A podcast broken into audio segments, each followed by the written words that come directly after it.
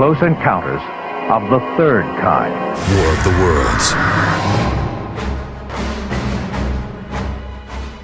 Hallo en welkom bij Julius versus Jasper, de podcast waarbij we elke aflevering twee films bespreken. En bespreken welke film moet blijven in het geval er eentje van de aardbodem moet verdwijnen. Eh, ik ben Jasper en jij bent Julius. Hallo, Dag Julius. En ben je er weer klaar voor? ik ben er helemaal klaar voor. Dan laten we meteen maar erin duiken in de wereld van Steven Spielberg. In de wereld van Steven Spielberg, ja. Ja, een, eh, eh, ken, ken je hem? Eh, wel eens van gehoord, ja. Ja, nou het is, het- is een hele, hele grote naam. En toch heb ik het gevoel dat mensen een beetje vergeten soms dat het eigenlijk ook een hele goede genremaker is. Ja, en überhaupt eh, eh, mensen vergeten hoe goed hij is, denk ik. Omdat hij, omdat zo'n grote naam is en ook zoveel films heeft gemaakt die je als kind ziet. En hij heeft ook natuurlijk, hij wordt vaak geassocieerd met een soort sentimentaliteit. Waardoor er in bepaalde snobistische filmkringen behoorlijk op hem eh, neergekeken wordt. Terwijl hij toch echt een fantastisch filmmaker is. En ook eh, ja, zijn, zijn invloed op de film Grammatica is ook niet te onderschatten. Ehm, dus ik, ja, eh, gek genoeg is Spielberg toch een onderschatte regisseur. En inderdaad ook van genrefilms. Ja, je ver- vergeet, we hadden het de vorige eh, aflevering hadden we het over Robert Wise, de regisseur van waaronder The Haunting en maar ook Sound of Music. En voor Spielberg valt hetzelfde te zeggen over hoe breed zijn filmografie eigenlijk is. Ja, Eh, en, maar toch merk je, ondanks dat hij niet alles eh, heeft geregisseerd, dat hij bij veel ook horrorachtige projecten betrokken is geweest. Laten we zeggen, een Gremlins en een, en een Poltergeist hebben heel erg een Spielberg-gevoel. ja, zeker. En we gaan het nu niet over horror hebben, maar we gaan even naar twee films waarin eh, ruimtewezens een rol spelen. Ja, En E.T. hebben we al eh, gedaan. En deze twee, ja, deze twee die we nu gaan bespreken, passen wat mij betreft heel erg goed bij elkaar. nou ja, het zijn ook een beetje mekaars tegenpolen. Ook nog, nou kijk, de, de- ge- genoeg om over te praten. Maar eerst maar even zeggen, het is dus in eerste instantie Close Encounters of the Third Kind. En die zetten we tegenover War of the Worlds. En als we dan meteen even de, de statistieken goed hebben. Jij verdedigt Close Encounters of the Third Kind. Ja. En doe ik dat met War of the Worlds. Als dat maar besproken is, Ja, dan moeten we er maar gewoon eh, mee beginnen. ja, ja. We moeten even helemaal terug naar eh, 77. Ja, een van Spielberg's eh, eh, ehm, vroegere films dus. Even kijken, ja, we hadden Duel. En eh Sugarland Express en Jaws. De, als grote titels dan. Ja. En dan nog twee tv-films. In ieder geval de, de horrorfilm Something Evil zat er nog tussen. Die heb ik nooit gezien. En Savage, ook een tv-film. Maar van de grote jongens is het toch wel...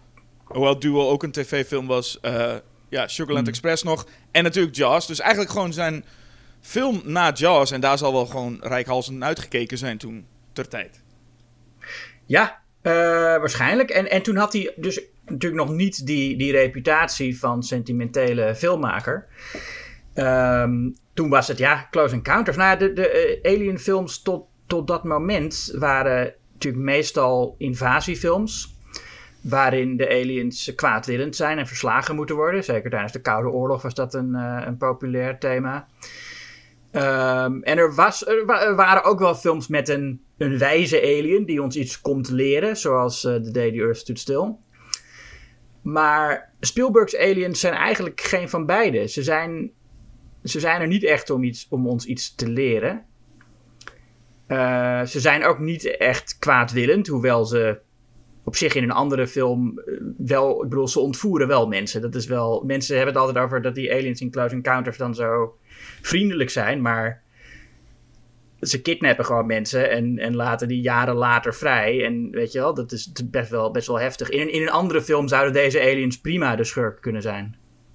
Ja, dat blijft bij, Close, bij War of the Worlds iets duidelijker eh, eh, wat, wat, wat hun rol is. Ehm, maar dat is eigenlijk wat Close Encounters ook voornamelijk is als film. Hè? Een, een, een, een, soort mysterie oplossen. Ja, nou, het woord wonder valt heel vaak bij Engelse besprekingen van eh, Spielberg in het algemeen natuurlijk, maar deze film in het bijzonder. Ehm, dat is het. Het is niet echt een actiefilm en het is ook niet echt een, eh, Ja, Spielberg zei zelf dat het geen science fiction was, maar science speculation. Nou vind ik dat raar, want het is wel gewoon fictie, maar goed. Uh, maar ik snap misschien wel wat hij bedoelt. Het is een film die eigenlijk het concept van buitenaardse wezens zo realistisch mogelijk uh, uitvoert, denk ik. Uh, ik bedoel, niet, hè, het, het, is geen groot actiespektakel, hoewel er zeker spectaculaire scènes in zitten. Maar het gaat over hoe, het, hoe normale mensen beïnvloed zouden kunnen worden door buitenaardse wezens. En wat die wezens zo fascinerend maakt. En dat is inderdaad niet dat het monsters zijn, maar ja, het mysterie ervan. En het, uh, ja, van het woord wonder bestaat niet een heel mooie Nederlandse vertaling. we hebben natuurlijk wel wonder, maar, geen, maar dat dekt niet echt goed de lading. Nee. Maar ja, het is een, een, een, een, een, een soort. Je voelt je een beetje kind als je denkt aan hoe groot het universum is en dat daar andere wezens zijn. En nou ja, dat, dat, dat hele je kind voelen, waar Spielberg ook om bekend staat, dat doet hij hier eigenlijk um, toch wel, nou, ja, misschien wel voor het eerst um, dat dat echt duidelijk is. Ik vind in Jaws doet hij het natuurlijk ook al, mm -hmm. met zo'n grote haai. Hij, heeft al, hij heeft altijd wel dat gehad en in Jewel ook dat heel eenvoudige uh, door de ogen van een kind eigenlijk uh, uh, je dingen laten zien. Dat doet hij altijd. Maar in Close Encounters is dat wel duidelijker dan ooit tevoren. Ja, en dan kunnen we meteen hebben over iets wat al meerdere keren besproken is. Als we het over Jaws hebben. Hè, want het bekende verhaal van Jaws met... Goh, die haai werkt niet. En daarom hmm. koos Spielberg er maar voor om hem niet te laten zien. Nou, dat wordt meteen in zijn volgende film al wel een beetje ontkracht. Dat deze film wordt ook heel veel gespeeld met iets niet laten zien. Um, en dat dus Spielberg daar donders goed weet uh, dat werkt. Ja, hoewel hij later nog een verwijderde scène toch weer terug erin heeft gedaan voor latere releases. Waarin, waarin je wel de binnenkant van het ruimteschip ziet. Oh ja, helemaal aan het einde. Ja. Ja, maar goed, daar is Spielberg volgens mij later ook in, in tegenstelling tot zijn collega George Lucas op teruggekomen. Er heeft bij E.T. ook veranderingen plaatsgevonden. En zei toen op een gegeven moment, uh, mede door kritiek geloof ik wel, dat hij ook zei: Ik ga nooit meer iets aan mijn films aanpassen. Het is goed ja. zo. En het viel mij eigenlijk op dat er, deze film moet het heel erg hebben van de mysterie. En dat is eigenlijk al als je de openingsscène ziet. Dan zijn we in een woestijn in Mexico. En dan vindt men, een, een groepje mensen vindt vliegtuigen terug die al sinds 1945 vermist zijn. Um, en, en ja, daar begint eigenlijk al het mysterie. En zo zien we eigenlijk, voor, voor wat mij betreft, het verhaal in drie stukken. Of in, in drie verschillende groepen zien we eigenlijk, volgen we dit gegeven. Een groepje wetenschappers, waaronder in ieder geval Bob uh, Balaban, herkende ik. En um, die Franse acteur, waar ik even de naam van op moet zoeken. François Truffaut, vooral regisseur. Oh, dat is diezelfde, dat is de Truffaut. Ja, dat is de Truffaut, ja. Jo, je, de, soms vallen dingen pas later op zijn, uh, op zijn plek. Oh, ja. Zo kwam ik er aan het einde van de uh, film achter, toen, toen ik de credits zag, dat ook Lance Hendrickson in deze film zat. En die loopt schijnbaar de hele tijd met uh, Truffaut en Balaban mee. Oh, dat had ik dan weer gemist. Nee, dat, ja, dat had ik ook volledig gemist tot ik zag Lance Hendrickson zit in deze film. En dan ga je terugkijken en denk je, oh ja, hij loopt de hele tijd gewoon echt, oh, hij loopt de hele tijd op de achtergrond mee. Hm. Het is een soort belangrijke edelfigurant, lijkt het. En dat is één groepje. Dan hebben we nog het groepje van uh, Melinda Dillon. Die speelt uh, moeder Gillian en die heeft een klein zoontje, Barry. Mm -hmm. Die krijgen een belangrijke rol. En nou ja, de hoofdrol wordt toch wel uh, gespeeld door Richard Dreyfuss als Roy. Ja. Nou ja, waar, waar Spielberg dus in Jaws mee samenwerkte. En die groepen komen ook gaandeweg de film bij elkaar voor dit gekke mysterie. Maar wat ik eigenlijk naar heen wou met deze hele lange tekst, hmm. is dat als er vrij vroeg in de film dus al de eerste uh, UFO's komen, dat die al wel heel duidelijk in beeld worden gebracht. Daar zie ik dan wel weer het enige van, oh, dit is al meer in beeld dan ik had gedacht dat deze film nu al zou doen. Ja, nou ja, je wil laten zien wat, wat die mensen zien. En kijk, het, het mysterie is natuurlijk nog steeds hoe zien die aliens eruit. Ja, dat zou een mysterie kunnen zijn. Ik zou bijna nog kunnen denken dat de film, maar dan zou het een hele andere film zijn, zou spelen met: is het wel echt zo? Is, is, is, zijn het niet nou. gewoon. Uh, we hebben mensen wel echt dit gezien. Nou, wij als kijker krijgen wel meteen door. Ja, de mensen die beweren dat er iets is, zijn niet gek. Eh, hoewel er wel veel personages zijn die dat gaan denken. Waaronder de vrouw van het hoofdpersonage Roy. Eh, ja, die, eh, die wel al vrij snel doorkrijgt. Er is volgens mij iets mis met eh, mijn man. Ja, maar ja, en, en dat is natuurlijk ook wel zo. dat, Eh, is, het is zeker zo. Die Roy, nou ja, het is, dat, dat is wat, hè. Die man, hij wordt eh, helemaal geobsedeerd door wat hij gezien heeft. En hij eh, begint bepaalde... Hij begint een bepaalde vorm overal na te maken. Eerst in zijn scheerschuim. En dan in zijn aardappelpuree. Ja, hij begint het te zien, geloof ik dan. Of ik, Ja. In ieder geval, hij, het, het is een... Ja, laten we ook zeggen, een bult. En Ja, een soort, een soort heuvel is het, ja. Ja, en dat ziet hij dan in, in, in, eerst, in eerste instantie in zijn scheerschuim. En dan ziet hij dat, dat jongetje Barry maakt iets in het zand. En dat Ja. ziet hij dan ook en is je helemaal gefixeerd daarop.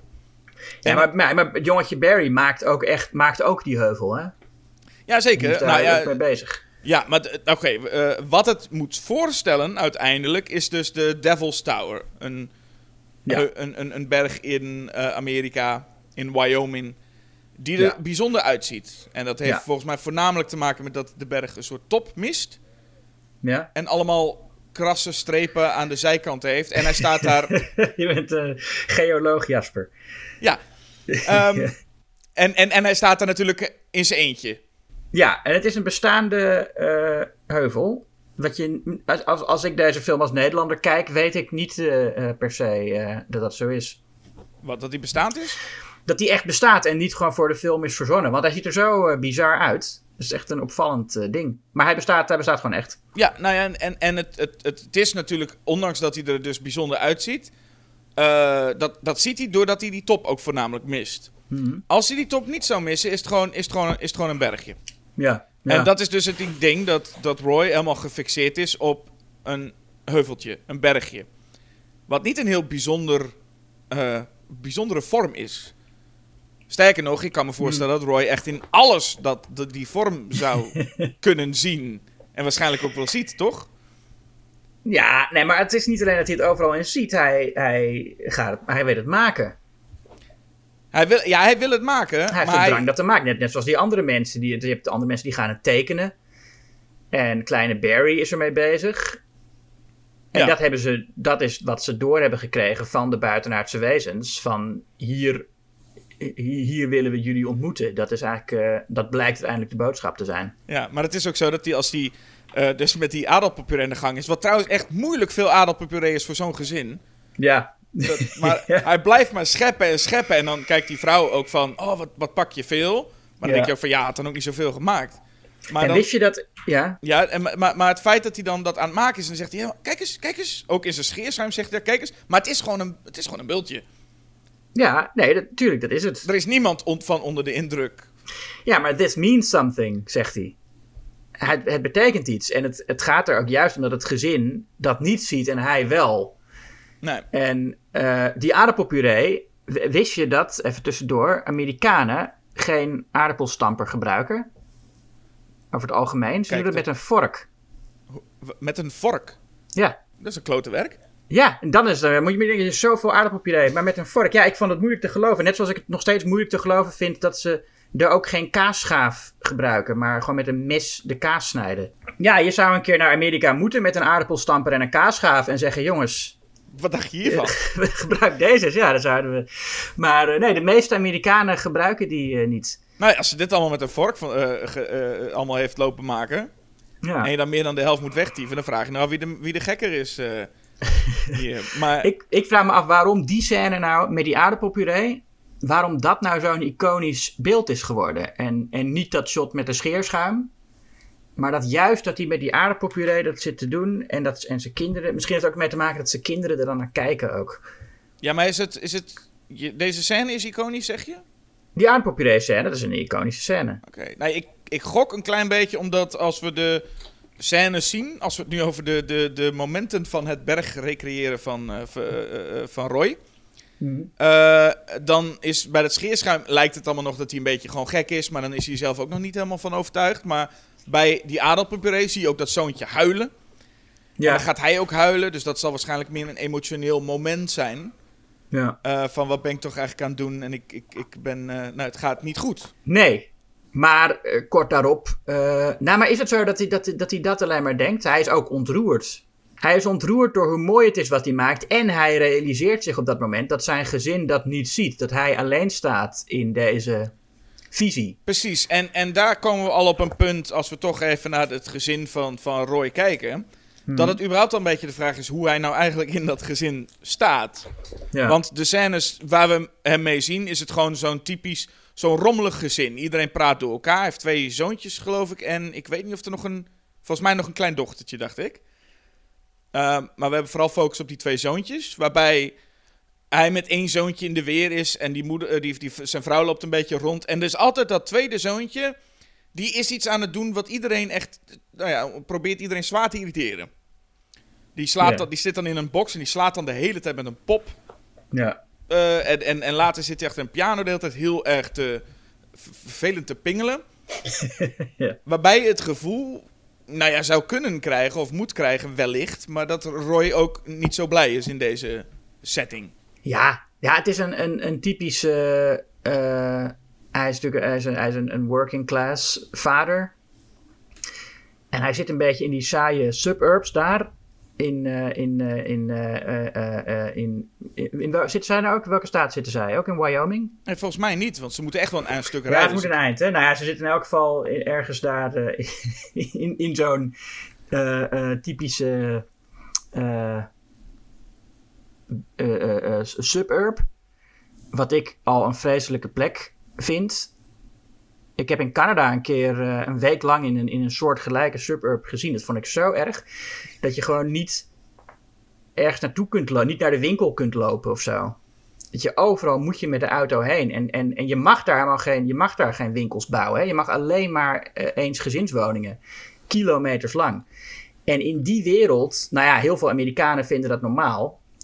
Maar daar, je kunt daar niet lang leven zonder gek te worden. Ik denk dat wat dat betreft het voor mij ook... eh, ik, ik zou denk ik ook, ook zonder aliens eh, een beetje zoals Roy me gaan gedragen op een gegeven moment. Als ik daar voor langere tijd moest, moest zijn. Ehm, maar hij heeft gewoon dat leven, weet je, dat hele normale leven. En hij is, hij is elektricien. Ehm, en hij heeft dat gezinnetje. En ja, hij vindt het, hij vindt het gewoon. Hij, zit, hij zit een beetje vast, denk ik. Hij doet, hij, je ziet ook meteen dat hij niet echt aansluiting heeft bij die kinderen. als hij begint over dat hij Pinocchio wil zien. En die kinderen vinden dat dan saai. Ja. En dan gaat, zegt hij van, ah, die die willen liever eh, Goofy Golf doen, wat dan een soort spelletje is. En dan zegt hij van, nou, ik, la- ik geef jullie de keuze. Wil je, wil je Pinocchio? En dat is, eh, met, eh, dat is leuk, met, met, met betoverende beestjes. Of wil je Goofy Golf? En die kinderen roepen allemaal meteen eh, Goofy Golf. Ja, hij verkoopt het nog een beetje als zeggen, wil je de hele tijd in een, in een rij staan te wachten Ja. met allemaal mensen. Ja, dat, ook inderdaad. Die rijen, dat hoort ook echt bij het, bij het, het Amerikaanse gezinsleven. Is in een, in een rij staan en, en vastzitten in het verkeer. Dat associeer ik allemaal heel erg met het leven daar. ja. Ehm, maar die man, hij, is, hij, wil een, hij wil eigenlijk een kunstenaar zijn. En, hij, en wat dat betreft is het ook misschien wel, denk ik, een heel persoonlijke film voor Spielberg. Ehm, ook dat hij meteen over die film begint. Hè? Pinocchio, natuurlijk een klassieke film. En deze man is bereid alles op te geven om zijn visie eh, eh, te realiseren. En, het, en, en hij vergeet eigenlijk dat hele gezin, omdat hij zo obsessief bezig is met zijn visie van. Ja, in, in, het eer- in eerste instantie gewoon die heuvel, die hij dan helemaal nabouwt in zijn in zijn woonkamer.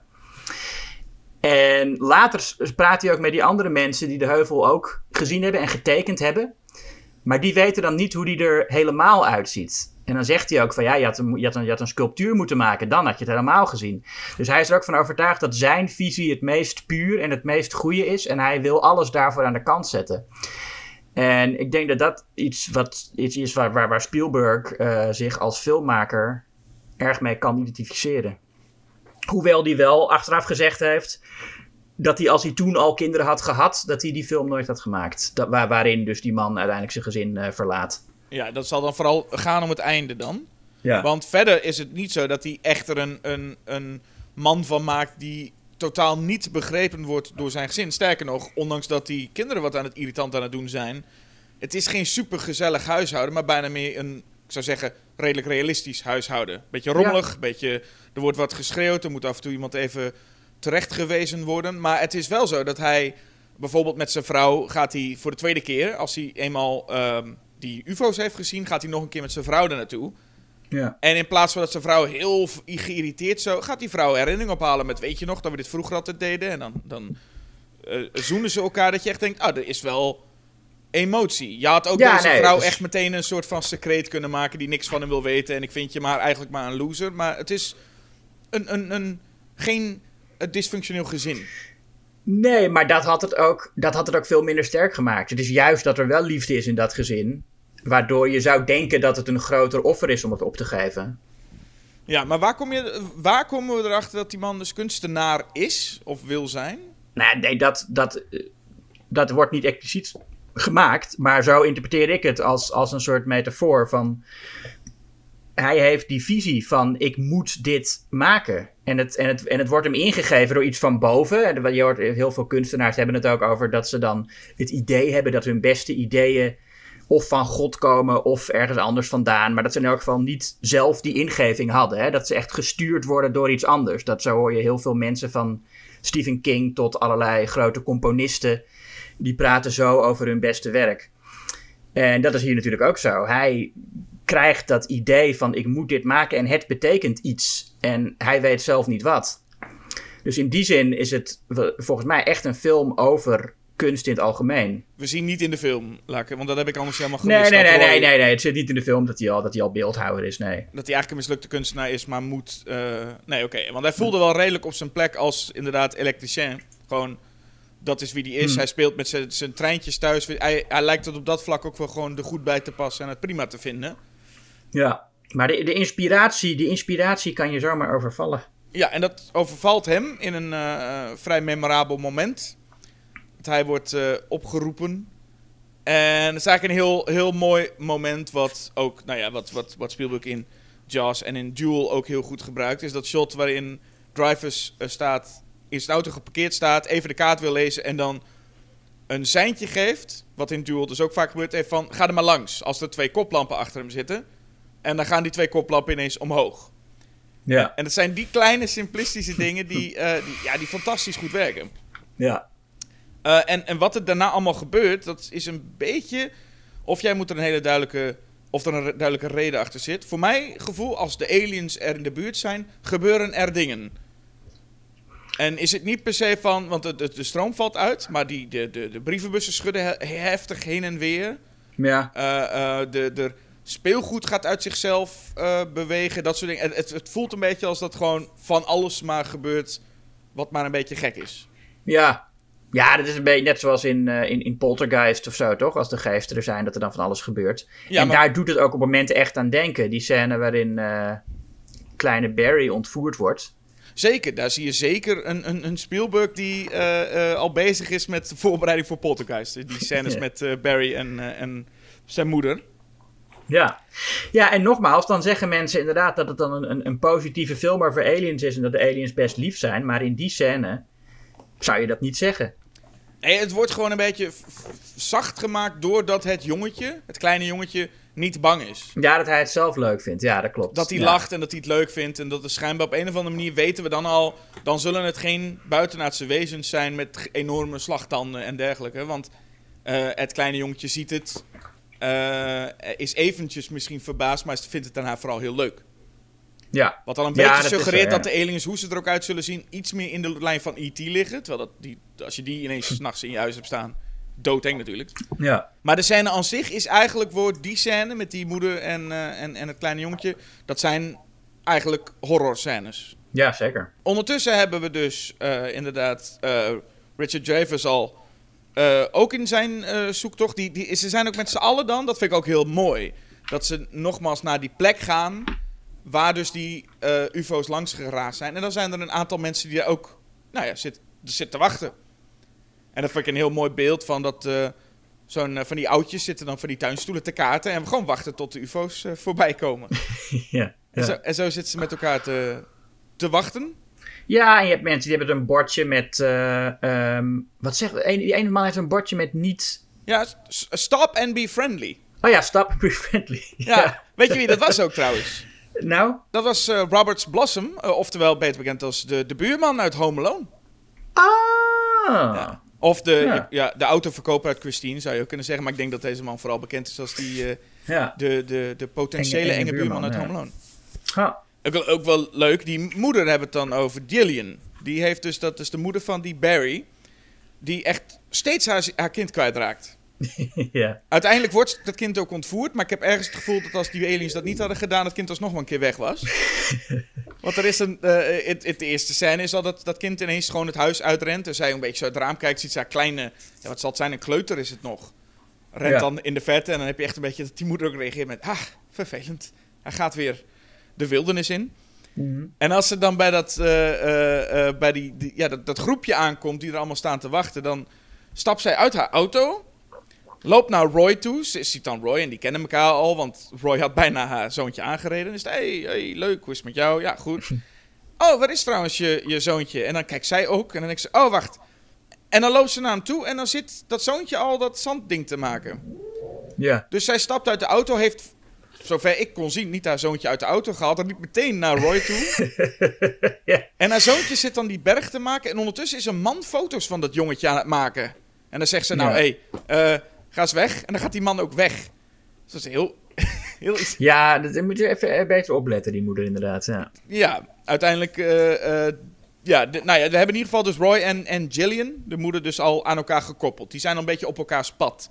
Het, do- het doet me allemaal een beetje ook, eh, nu je het zo zegt, aan, aan Nashville denken.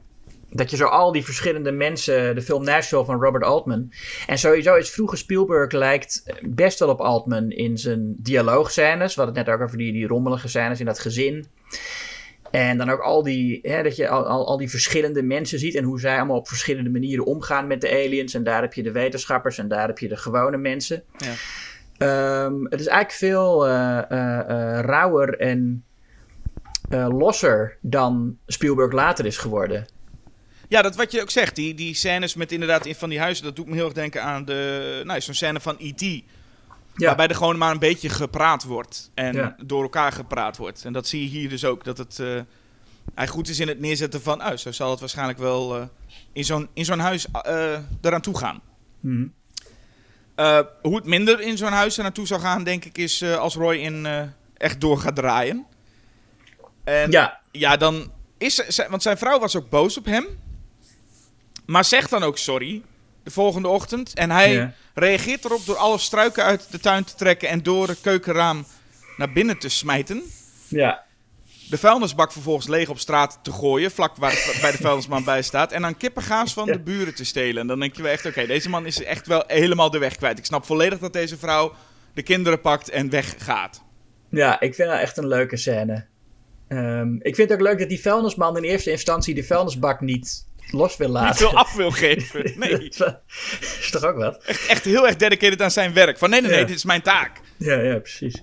Eh, maar nee, ik vind het heel grappig. En eh, nou, wat ik net zei, ik vind het ook heel begrijpelijk dat je dat doet. Nou, en ik denk woont. dat dat stukje wat jij dan benoemt, jij noemde al een beetje jouw, eh, het, de nachtmerrie van de suburbs die jij dan ervaart. Ik denk dat je ziet daar aan Spielberg dat hij dat ook een beetje heeft. In de, in de zin dat als zijn vrouw wegrijdt en Roy achterblijft en alle buren in hun tuin staan toe te kijken. Ja, ook dat. Dat Ja. je wel echt ook voelt van, dat is een beetje wat bij de suburbs ook gezegd wordt. Je kunt geen scheet laten of de hele buurt weet het. En staat ook meteen op dat net gemaaide gazon toe te kijken. Ja. Eh, en dat zie je hier ook. En dat vond ik een van de leukste stukjes. Moest ik wel echt om lachen. Als hoe Roy dan vervolgens eh, nou, terug naar zijn huis loopt. En terwijl alle buren toekijken, dat hij dan door dat raampje, dat de keukenraampje, weer naar binnen gaat. ja.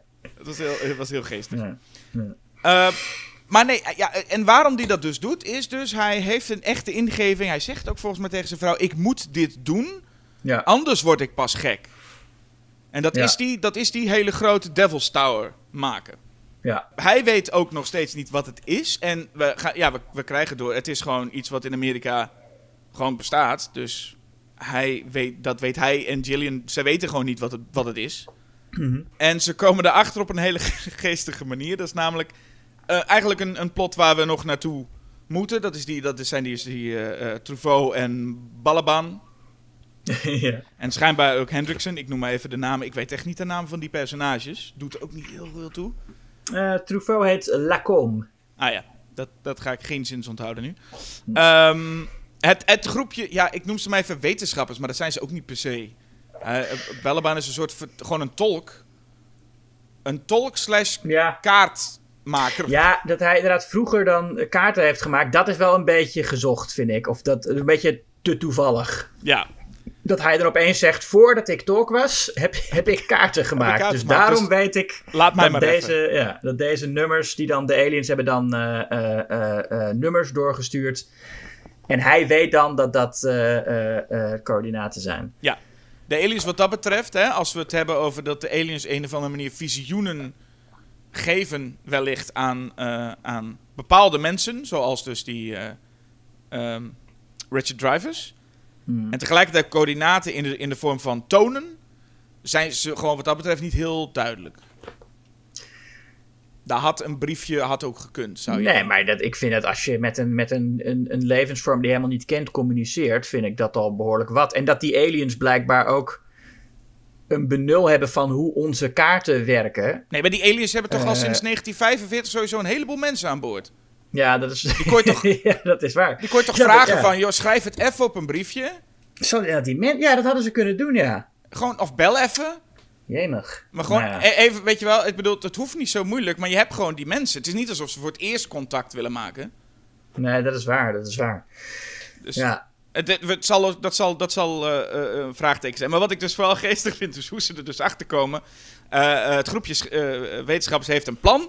Want bij die Devil's Tower moeten alle mensen in de omtrek verdwijnen. Dat moeten ze, die moeten even weg daar als daar wat plaats gaat vinden. En dan zetten ze een grote treinramp eh, in scène. Zodat al die mensen geëvacueerd kunnen worden. En, en, en Richard Drivers is dan net bezig met die, met die, met die klote, met die klote eh, eh, berg aan het bouwen in zijn woonkamer. En dan komt het dus op het nieuws. Grote treinramp.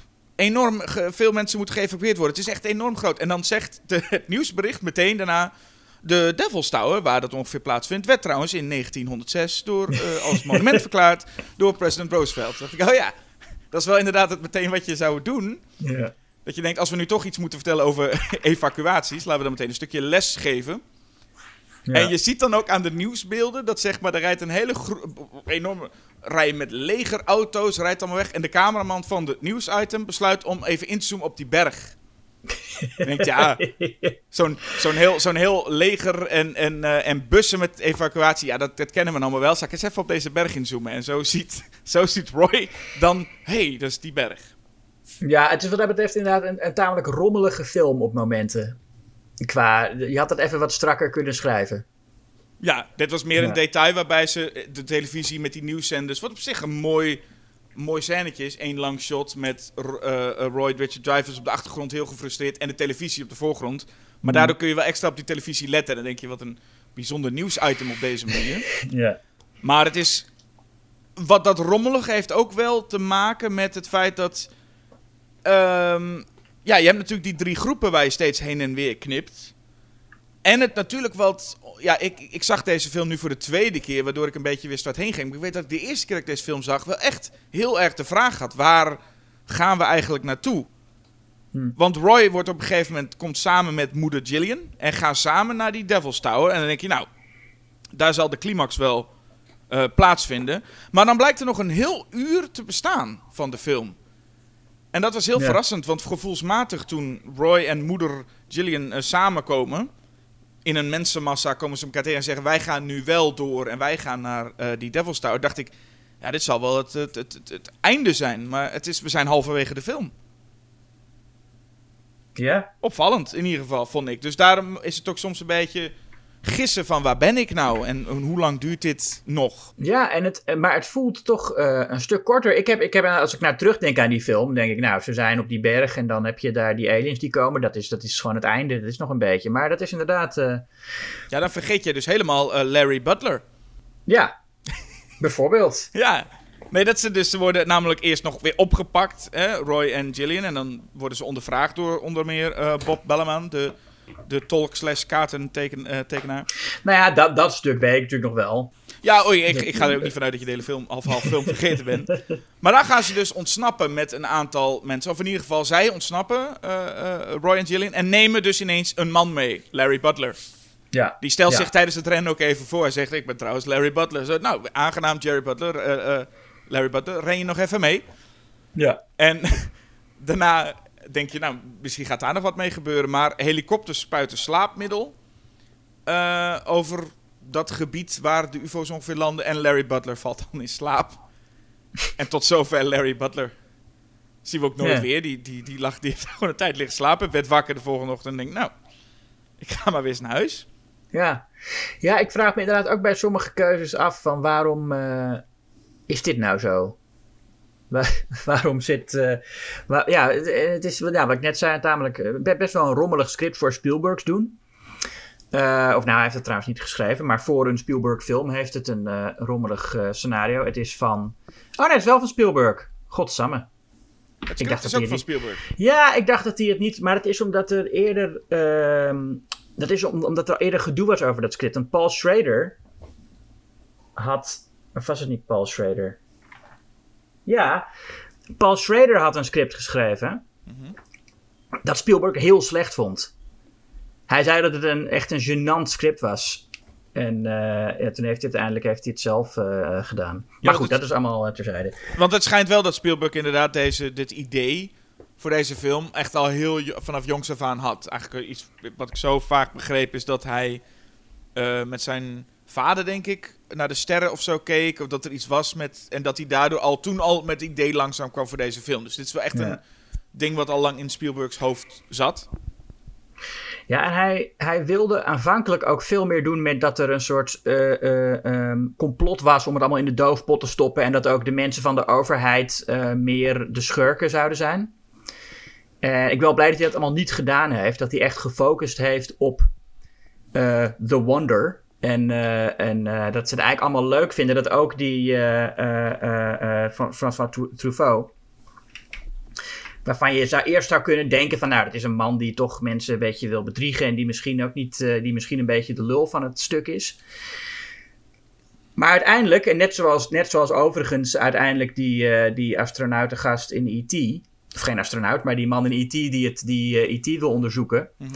Dat het uiteindelijk ook iemand is die de passie deelt, weet je wel. En, en de verwondering. Dat is, dat is op zich een goed woord voor The Wonder. Verwondering deelt van de protagonisten over eh, wat, er, wat er voor bijzonders gebeurt. Ja, waarbij je eigenlijk zou kunnen stellen dat ehm, ook deze film eigenlijk ehm, ja, schurkloos is. Ja, hoewel ik dus me afvraag in hoeverre die soldaten dat er mee, het daarmee eens zouden zijn als ze gedebriefd zijn en horen van ja, het is nou 1977. Eh, je familie is allemaal dood. Je, hebt, je bent zoveel jaren eh, van de wereld geweest. Ik weet niet of ze die ene dan nog zo leuk vinden. Ja, je weet dus niet hoe dat is, wat, wat, wat, wat er met hen is gebeurd. Waarom ze, eh, wat ze daar hebben gedaan. Ja, misschien dat ze wel een prachtige ervaring hebben gehad die het allemaal waard maakt. Ja, hoewel ze wel heel verward uit dat ruimteschip komen. Ja, Het voelt wel een beetje alsof ze net wakker zijn. Het is niet alsof ze Ja, van, nou, hier, dit wisten we dat dit zou gebeuren. We zijn al helemaal up-to-date. Ze lo- lopen ook nog steeds in die kleding. Ja, je weet ook niet hoe lang het voor hun is geweest, hè? want ze zijn natuurlijk niet ouder geworden. Misschien was het voor hun wel echt een paar minuten dat ze weg zijn geweest. Je moet je voorstellen, het is wel een interessant verhaal. Hoe, hoe dat voor hen is geweest dan. Ja. Dat weten we niet. We weten alleen dat, eh, eh, wat er gebeurt met Roy, want daar blijven we even bij. Die eh, het, het grote moederschip arriveert. We zien altijd wel van die kleine scheepjes en dat hebben we dus, die zien we dus ook de hele tijd in het begin. Maar dan komt er ineens het grote, grote moederschip. En ik was heel blij met, ondanks de, de, de muziek van John Williams, wat altijd wel goed is, dat daar dus geen muziek bij zat als, die, als dat moederschip aankomt. Nee. Nee, Ja. maar dat zou ook zonde zijn omdat muziek zo'n groot onderdeel is van wat er daarna gebeurt. Ja, en dit had heel snel, weet je wel, ook zeker als zo'n groot ruimteschip eh, eh, aankomt. En dat had heel bombastisch en volledig dichtgesmeerd kunnen worden. En goede, goede keuze om daar stil te blijven. Ja. En iedereen is, iedereen is ook, staat ook stil. Hè? Iedereen staat stokstijf en vol bewondering te kijken naar dat grote ruimteschip. Eh, tot, tot die ene man, die in dat shot komt dat als Roy even naar beneden klimt op ladder, die, waar iedereen stilstaat, heel hard naar het toilet rent, lijkt het. In één keer zie je een man heel hard wegrennen. En ik weet niet waar die naartoe rent, maar het, het lijkt een beetje van die Dixie toiletdeuren. En die gaat dan heel snel daar naar binnen. En dan denk je, oh, dit- ja, het is ook wel kloot. Als je net als een groot ruimteschip, dat je dan moet. Is ook wel vervelend. Eh, ja, wat die man dan mist, terwijl hij daar op de wc zit, is dat een, soort heel ja, concert eigenlijk tussen mensen en aliens die met elkaar communiceren. Ja, nou ja, dat is natuurlijk ook mooi. Dat eigenlijk de grote. Waar, waar je normaal in een film dan nu de actiescène zou hebben. Is dat inderdaad een, eh, een, een soort jam-sessie tussen de aliens en de mensen. De aliens hebben, hebben een paar ja, tonen naar de aarde gestuurd. En de aarde heeft die tonen teruggestuurd. En nou ja, dat gaat dan zo een beetje eh, uiteindelijk heen en weer. En dat, ja, dat, dat onder- onderstreept ook een beetje die, die kunstmetafoor die ik erin meen te bespeuren dat het uiteindelijk ook een soort kunst is waarmee ze met elkaar in contact komen. Ja, want die mensen, de mensen spelen op een soort meer keyboardgeluidje. En, en, Ja. dan, en dan komt het moederschip terug met een soort trombone eh, geluid. Wat, Ja, die doen de bas eh, tonen. ja, en die, die, die zijn in het begin wel echt heel erg aan het improviseren. Dat ik denk, dit is nog, hier, hier moet je nog even oefenen. Maar op een gegeven moment wordt het een... Nou, op een gegeven moment speelt trouwens speelt het ruimteschip toch eerst nog even... Ze zagen Richard Dreyfuss ze denken, oh, doen we even een klein stukje Jaws. Zit even de Jaws-theme zit erin. En dan inderdaad komt die... k- ja, zijn ze heel lang aan, met elkaar aan het communiceren. Dat je denkt, oh, ik ben eigenlijk ook wel benieuwd wat hier gezegd wordt, maar dat zullen we nooit weten. Nou, een heel, eh, heel John Williams eh, stuk komt eruit. Ik Ja. weet niet of er echt wat gezegd wordt. Eh, want er is, zij, zij denken dat de aliens hun een, een vocabulaire willen bijbrengen. Hè? Dat wordt dan gezegd. Ehm, ik denk dat die, die, dat, dat die, dat die eh, eh, synthesizer-man daar ook gewoon maar een beetje staat eh, te jammen. Dus ze hebben alle, eigenlijk bij, misschien dat beide partijen geen idee hadden wat ze uiteindelijk tegen elkaar hebben gezegd. Nou ja, maar dat maakt het ook gaaf. Dat ze gewoon ja, eh, samen muziek aan het maken zijn. Eh, Ze zeggen muziek is een universele taal. En hier is dat ook letterlijk door het hele universum blijkbaar. eh, be- begrijpen mensen muziek. En dan zou het misschien dus zo zijn dat ze denken aan het einde van... Nou, dit was even leuk, even samen gespeeld te hebben. Eh, hier zijn al die soldaten die jullie, eh, die jullie missen eh, terug. Ja. En nou ja, niet alleen de soldaten. Het is niet alsof ze zeggen... Nou, hier zijn al die mensen die in 1945 eh, door ons meegenomen werden. Maar ook mm, recenter. Waaronder dus Barry, dat kleine jongetje. Dan denk je van, nou, Ja. dan ook die maar weer terug. ja.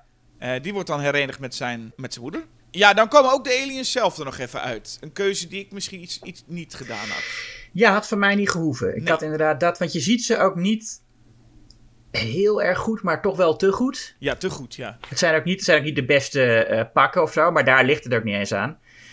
Ehm, ja, nee, ik had het eigenlijk. Het is ook een beetje inspiratieloos ontwerp. Het Eh, is ook duidelijk zo'n pak, hè? Het is ook waar, waar men nu nog vaker, Ja. later vaker wel probeerde om het lichaam van aliens dan nog een beetje onmenselijk te maken. Zie je hier gewoon dat het gewoon kleine mensen ofwel kinderen in pakken zijn. Nou, de eerste die we zien is wel iets met lange poten. Ja, dat klopt. dat is nog een andere. Dat is nog een ik Had andere? eigenlijk, ik had het wel leuker gevonden als ze allemaal een beetje zo waren. Ja, en ik denk dat ik het leuker had gevonden, of gewoon het beste is voor, om, om het niet te zien. Ja, dat, En dat, dat, is, sowieso. en dat is eigenlijk niet eens alleen maar omdat ze de, er eh, lelijk uitzien. Ook als ze er mooi uitgezien hadden, denk ik dat deze film. En dit is een tekst die ik deze podcast nog wel vaker ga zeggen. Maar dat het beter was geweest om ze eh, niet te zien. Eh, ja, dat, dat, dat, dat, dat houdt het ook gewoon interessanter. Met als je alleen dat grote ruimteschip en dat muziek hebt. Dat je nog steeds niet weet. Wat zit daar nou achter? Ja, of het, of het überhaupt wel een, fysiek, eh, een fysieke vorm heeft. Dit zou, je zou ook kunnen bedenken dat het gewoon een soort intelligentie is die puur als intelligentie bestaat. Die helemaal niet eh, fysiek is of zo. En ja, dus ik, ik vind inderdaad, hoe zij eruit zien, zou een mysterie moeten blijven. Net zoals hoe het daar binnen uitziet, wat het ook gelukkig blijft. Ja. Tenzij je de latere, volgens mij is dat gewoon de director's cut gezien hebt, waar Spielberg natuurlijk ook weer op terug is gekomen. Nee, precies. Maar nu, nu heb je dus zo, als je de film dan nog een keer gaat kijken... en je ziet die, die leuke, mooie scène waarbij ze dus met elkaar muziek maken... Ja, dan zie je gewoon die kleine klote aliens achter zo'n keyboard rammen en zo. En ja. dat vind ik geen mooi beeld. Ja, dat, ja, ja, ja. Ja. Nou, Eh, ik denk trouwens, ik zei net dat ze gewoon zitten te jammen. Ik bedoel dat natuurlijk niet letterlijk zo. Hè. Ik denk dat ze wel degelijk, eh, dat die aliens wel proberen te communiceren of zo. Maar het, het, het, ik vind het als metafoor mooi dat ze zitten te jammen. En ik vind het ook als metafoor mooi dat ehm, Roy uiteindelijk gewoon kiest om daar naar binnen te gaan. Terwijl hij niet weet wat daar is. Dat hij echt zonder enige twijfel ervoor kiest om, om het mysterie in te gaan. En wat er ook gebeurt. Hij vraagt niet eens aan die mensen van, goh, hoe is het daar binnen? Hij wil het gewoon zelf gaan zien. Ehm, en dat is ook ja, het risico dat een, een kunstenaar neemt dan. Ik begin steeds overtuigder te raken van deze interpretatie, zoals je zult merken. Dat, dat hoor ik inderdaad. Maar ik, stel je bent dat nog niet. Mhm. Dus je, weet, je, je denkt niet per se aan dat het een kunstenaar is. Dan zie je toch vooral, en dat is iets waar, waar veel over gesproken werd. En misschien waar Spielberg dus ook wel naar refereerde met: Ik zou dit niet meer gemaakt hebben. Een, een elektricien die eerst zijn gezin heeft weggejaagd. En daarna zegt: Jongens, de mazzel, ik ga met deze aliens mee. Ja, dat is ook prima. Nou, dat is iets waar de film wordt daar heel vaak op bekritiseerd natuurlijk. Hè? Van, ik vind het helemaal niet leuk wat die man doet. Het is toch niet goed? En ja, dat, dat zeggen mensen. Maar dat is ook alleen maar omdat je Spielberg nu kent als een soort familievriendelijke regisseur. Maar het, ja, het is natuurlijk ook helemaal niet de bedoeling dat je dat per se toejuicht. Het, het, het gaat erover hoe ver deze man bereid is te gaan voor zijn visie. En het is natuurlijk geen rationele keuze. Hij is vanaf het moment dat hij dat ding gezien heeft, is hij heel erg beïnvloed door die UFO. En, en door wat er, wat er dan ook, wat voor energie hem dan ook geraakt heeft. Dus hij is natuurlijk niet rationeel aan het nadenken. Nee, maar ik, ik snap ook wel. Ik zou nooit met dit kritiek komen van. Nou, dat is toch helemaal niet leuk wat hij doet. Ehm, maar ik snap wel. Ik, of, ik, ik denk gewoon. Die, eh, Roy kiest daar dan voor. En ik denk dan alleen maar. Oké. En het punt is. ik, ik ga nou even een film aanhalen waarvan ik niet dacht dat ik dat zou benoemen. Maar Critters Ja. doet dat dus ietsjes beter wat mij betreft met een personage die we de hele film leren kennen als iemand die nou door het hele dorp wordt uitgekotst. eh, oh, je bent altijd dronken, ik geloof je niet. En die was maar overtuigd dat er eh, mensen in de ruimte zijn. En het hele dorp en iedereen zegt maar jij hoort die niet en je bent maar raar. En oké, het is redelijk clichématig. Maar als die dan aan het einde van die film meegenomen wordt de ruimte in bij wijze van, dan denk je: oh, dit, dit klopt voor mijn gevoel. En ik vind het ook wel fijn voor hem en ik snap het wel. En hier denk je gewoon: ik, ik zou niet weten waarom, wat, wat, waarom Richard Drivers dit per se wil. Tuurlijk ook van, ja, maar je hebt ook een gezin, maar ook gewoon. Ja, waarom wil je dit nou precies? Wat is nou, wat, hadden we dit nou echt moeten zien aankomen? Is dit nou echt mooi voor hem? Is het, nou, ik hoop dat hij het leuk heeft. Ik weet het niet. Nou, hij moet dat zien. Kijk, als het zo was geweest als in Critters, dat hij op, op aarde al een, eh, een eh, verschoppeling was, ja, dan was, het, dan was het helemaal niet interessant geweest. Dat hij, dan offert hij niks op om mee te gaan. Het Maar gaat nu- erom dat hij. Ik snap wel dat hij iets opoffert. Ik snap alleen niet waarom. Ik snap niet wat hij. Nou, eh, omdat hij zo gepassioneerd is en omdat hij zo graag wil zien wat daar is. Hij wil het zien. Ja, ja, Eh, maar die, die, die obsessie, ondanks dat die obsessie natuurlijk wel even erin zat met dat scheerschuim. En hij maakt dan even zo'n. Ja. zo'n zo'n maar toen, toen die ook ineens die, die, die, die straken allemaal in, die, in, die, eh, in, in dat keukenraampje ging flikkeren. Ja. Dacht ik ook al van, nou je gaat wel ineens. Nou ben je ineens heel raar aan het doen, dat scheerschuim, oké. Maar hij ging vrij snel Hm.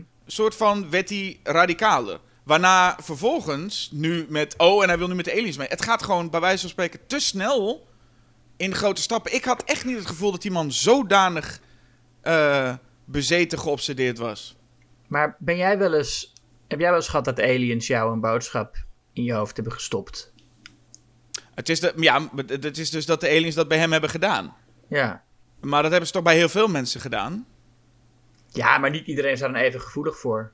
En hij was heel gevoelig. En hij Nou, hij, is, hij is ook de enige die weet hoe die hele berg eruit ziet. Hij heeft het allemaal gemaakt. Hij, hij, hij kijkt ook misschien een beetje meer op die andere mensen die dat niet zo, eh, die alleen maar tekeningen hebben gemaakt. Hij heeft echt een sculptuur gemaakt. ja, ja. Eh, nee, hij, ik, kijk, hij is gewoon. Ja, het is, het is, het is zo dat hij, hij niet rationeel denkt dat die aliens hem. Ze hebben hem in eerste instantie misschien willen gebruiken als boodschapper. alleen maar om te zeggen: van eh, nou, eh, daar en daar gaan we jullie ontmoeten. Maar dat heeft als gevolg gehad dat hij gewoon ja, is, is doorgedraaid. En dat, ja, kijk, je, je weet niet wat voor invloed een buitenaardse straling op je heeft. Je- Nee, maar daar zou je nog kunnen zeggen, als dat al is, dan... Ja, maar ze hebben een boodschap in zijn hoofd geprent. Dus meer, dan is het alsnog heel treurig dat hij nu dan dat- hebben die aliens, dan hebben die aliens inderdaad hem gewoon losgerukt van zijn, eh, van zijn gezin. Ja, dat is het ook. Het is op een bepaalde manier ook treurig. Ah, Oké, ja, ik dacht dus, mede door ook de muziek en zo, dat het iets moois was. Van Roy is is- eindelijk thuis. Hij is, hier moet hij zijn. Dit is wat hij moet doen.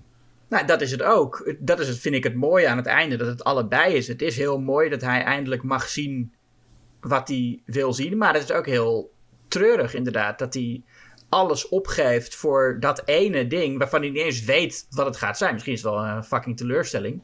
Komt hij daar binnen en dan staan er een paar eh, klapstoelen voor hem klaar en zijn ze aan het barbecue of zo. En dan is het nou gezellig dat je er bent. Dat kan, maar, de- de- maar, hij- maar dat risico neemt hij. Nou ja, de, de kans is zelfs aanwezig. Kijk, als, als het nu was van wauw, er wordt voor het eerst een mens meegenomen. Maar dat, dus net een hele groep mensen zijn net weer gedropt. En dat jongetje Ja, Barry, die, was al na, die was volgens mij na een dag is hij alweer terug. Dus misschien dat een dag later Richard Dreyfuss weer neergezet wordt. Met, nou, dat was leuk hè? Ja, misschien zeggen ze meteen wel: hé, hey, wat, wat, wat kom jij nou doen? We hebben net al die mensen eruit gegooid. Ja, er, was, er hoeft niet nog iemand bij. Nee, het We, gaan nou, naar- we gaan nou naar bed, jongens. Niet, ja, eh, precies. We zijn hier wel klaar mee nu. Maar, eh, nee, maar ik vind het wel mooi dat hij eh, zoveel opgeeft voor, nou ja, voor dus inderdaad wat dan ook. Ehm, ja, Ja. nee, ja, nee. En, en juist, juist omdat dat gezin wel eh, eh, realistisch in beeld gebracht wordt. En aan de ene kant is het raar dat, dat je ze niet meer ziet in die laatste. In het laatste deel, de laatste acte, zie je eigenlijk dat gezin helemaal niet meer. Die zijn gewoon weg. Maar je, ze, ze blijven nog wel hangen. Weet je? je, je weet nog wel altijd, omdat ze zo realistisch neergezet zijn, weet je altijd dat die mensen nog bestaan. Ja, want daarom dat mensen ook op dit einde reageren met... Hè, maar hij had toch een gezin en kinderen en dat kan Ja. toch niet? Maar dat komt ook omdat we dus ook wel hebben gezien... dat hij niet zozeer alleen maar een gezin heeft... maar hij heeft ook echt een gezin dat om hem geeft. We hebben een, zijn Ja. zoontje was echt aan het huilen Ja. om zijn vader. En zijn vrouw maakt zich ook echt zorgen om hem... en is in alle redelijkheid een, een, eh, een, een, een, een fijne echtgenoot... zoals wij kunnen zien. En dat maakt het dan... ehm, nou ja, daarvan kan ik me bijna voorstellen, als Spielberg dit al niet gedaan had aan het einde nu, had hij er waarschijnlijk van gemaakt dat hij een, nou ja, een heel vervelend leventje had gehad. Omdat mensen dat op een of andere manier iets beter kunnen slikken. Van, oh ja, ja, was toch maar kloot op aarde, hè? ga Ja. maar mee. Ja, maar dat had ik dus zwak gevonden. Het is Ja. juist het, het bitterzoete ervan dat het voor mij eh, effectief maakt. Ja, maar het is dus inderdaad een heel groot vraagteken of dit een happy end is, ja of nee. Ondanks dat volgens mij de makers er wel op inzetten. Hè, de muziek zet wel in op, dit is een, een happy end. En deze aliens zijn absoluut niet de schurk.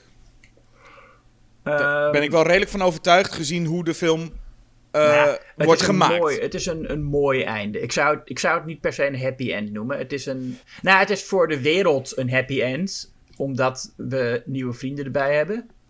Als, Nou, als mensheid. We hebben nog geen idee wat we eraan hebben, maar we hebben wel... Nee, eh, maar dat is. Ja. Maar ook die, die Lacombe, eh Truffaut, die, Ja, ja. Die, die, die, die is ook, zeg maar, die, bij het einde, als Richard Dreyfuss naar binnen gaat, die, die knikt ook met een soort van lach, knikt hij tevreden naar hoe deze man naar binnen gaat. Dus die, die ook, hij is ervan overtuigd, volgens mij allemaal, ze is gewoon echt overtuigd van, is mooi dit, dit is mooi. ja. ja, nee, precies. Dus dan moeten wij ook volgens mij maar gewoon concluderen, ja, het is toch wel mooi. Ja, dat is ook wel mooi. Trouwens, de casting van Truffaut bevestigt ook nog eens mijn, eh, mijn eh, idee dat het eh, een film over, over Spielberg zelf is en over wat je allemaal moet opgeven om, om kunst te maken. Oké, oké. Ja, ja. Nou, als jij die bevestiging hebt, ik ga daar niet mee, ik ga daar niet tegen in discussie dat dat niet zo is. Ehm, maar je moet hem wel voelen. ja. Maar laten we dan ook gewoon vooral doorspringen naar die andere aliens. Ja, god, ja, eigenlijk, eigenlijk toch eh, eigenlijk een beetje eh, eh, nou, gebaseerd op een van de eerste belangrijke Alien boeken. The War of the Worlds van H.G. Wells uit eh, 1898. Ehm, in het genre van de invasieliteratuur, die in die tijd in, in het Verenigd Koninkrijk heel populair was. En dat ging dan vooral om invasies uit andere landen. Eh, dat, dat het Verenigd Koninkrijk eh, oorlog zou krijgen met een of ander Europees land. Het was een heel populair genre en H.G. Wells heeft daar dus een alien-versie van eh, gemaakt, die heel erg aansloeg. Trouwens ook een, een, een, een van de eerste echt sociaal-kritische science-fiction verhalen. Ehm, want hij eindigt dat verhaal met, ja, die aliens hebben dan het Verenigd Koninkrijk, zijn ze binnengevallen. Een beetje zoals de Engelsen altijd hè, andere landen hebben binnengevallen en daar de mensen hebben onderdrukt. Dus denk maar goed na, Victoriaanse Engelsman, voordat je een oordeel velt over deze aliens, want eigenlijk eh, ben jij net zo erg. Uh, dus dat was het idee van H.G. Wells. Ja, en het, het is een boek die we in verschillende versies, uh, op verschillende versies terug hebben gezien. Ja. Of gehoord. Uh, in onze Orson Welles aflevering hadden we het alles over die, nou ja, die, die befaamde radio-uitzending uit 1938. Waarbij mm -hmm. men maar wat graag nu praat over dat de, iedereen die het hoorde naar buiten rende en dacht dat het echt was. Ja. Um, en dat is dan weer iets wat gewoon niet echt was. Er zullen ongetwijfeld wat mensen even overstuur geweest zijn of even denken, wat is dit nou? Want het werd een beetje gebracht, hè? Orson Welles bracht het een beetje als zijnde een nieuwsuitzending. Ja, dat was inderdaad het format, ja. Maar uh, mensen waren in 1938 echt niet zo krankzinnig dat ze allemaal uh, echt dus allemaal de straat op gingen. Er was weliswaar wel wat angst uh, hè, met de Tweede Wereldoorlog dat aan de deur klopte, dat ze wel dachten, hé, hey, de, ze zaten dan misschien iets meer op, hun, op het puntje van hun stoel, maar... Ja, nou ja, zoals, zoals Spielberg ook zei, uh, bewerkingen van War of the Worlds, die komen altijd als er, als er internationale spanningen zijn. Uh, en, en, en dus ook, ook de verfilming uit de jaren 50. Ja, 1953, ja. 53. Heb jij die gezien trouwens? Die heb ik gezien, ja. Van Byron Haskin. Ja, ik vond het een beetje een soort. Uh, ik vond een beetje te veel Michael Bay film. Ja, dat snap ik wel. Ik vond hem uh, leuk, maar dit, dit is wel een van die films die. En nu wel echt enorm gedateerd is. Ja. Je kan wel echt zien, dit, dit heeft een, uh, een, een nieuwe versie nodig. Ja, die kregen we. En die kregen we inderdaad ook. En ik denk nog één ja, versie die we wel kunnen bespreken. Of nou, niet per se bespreken, maar die je ook nog even moet noemen, is die uit 1978 een muzikaal album van Jeff Wayne. Oh ja. Dat, uh, die ja. zou ik zeggen, zit ook nog wel in de lijst van echt grote, populaire dingen. Ja, dat uh, is helemaal vergeten zeg. Met de naam War of the Worlds. Maar toen 2005. Hè, we hadden, ja. een, uh, we hadden 9-11 een paar jaar daarvoor gehad. En toen kwam Spielberg toch niet geheel toevallig met, met de, zijn War of the Worlds. Ja, die inderdaad wat, ja, een, hij, hij, heeft echt een manier gevonden om de, om, het, om, het, om, om de blockbuster te combineren met de uh, uh, post-9-11 cinema. Wat ja. echt bijzonder knap is. Want het was na 11 september, het was echt een tijdje lang zo. Uh, of 9-11 is trouwens 9 november, hè? Maar het was na 9 november een tijdje zo dat de Amerikanen helemaal geen zin hadden in de uh, rampenfilms die in de jaren 90 best populair waren. De Roland Emmerich-achtige situaties. Mm -hmm. En um, nou, eigenlijk hadden ze daar met Spielberg ook nog geen zin in, want deze film is niet heel goed ontvangen. Nee, of volgens mij kreeg hij aardige, aardige recensies wel hoor. Ja? Oh. Ja, volgens mij, ja. volgens mij viel dat wel mee. Maar het was wel zo dat het, het ineens wat hard was. Want we, ik, ja, ja. Uh, mensen die de de films rond uh, uh, 11 september of misschien net daarna. Ik, ik, ik denk vooral altijd aan Spider-Man.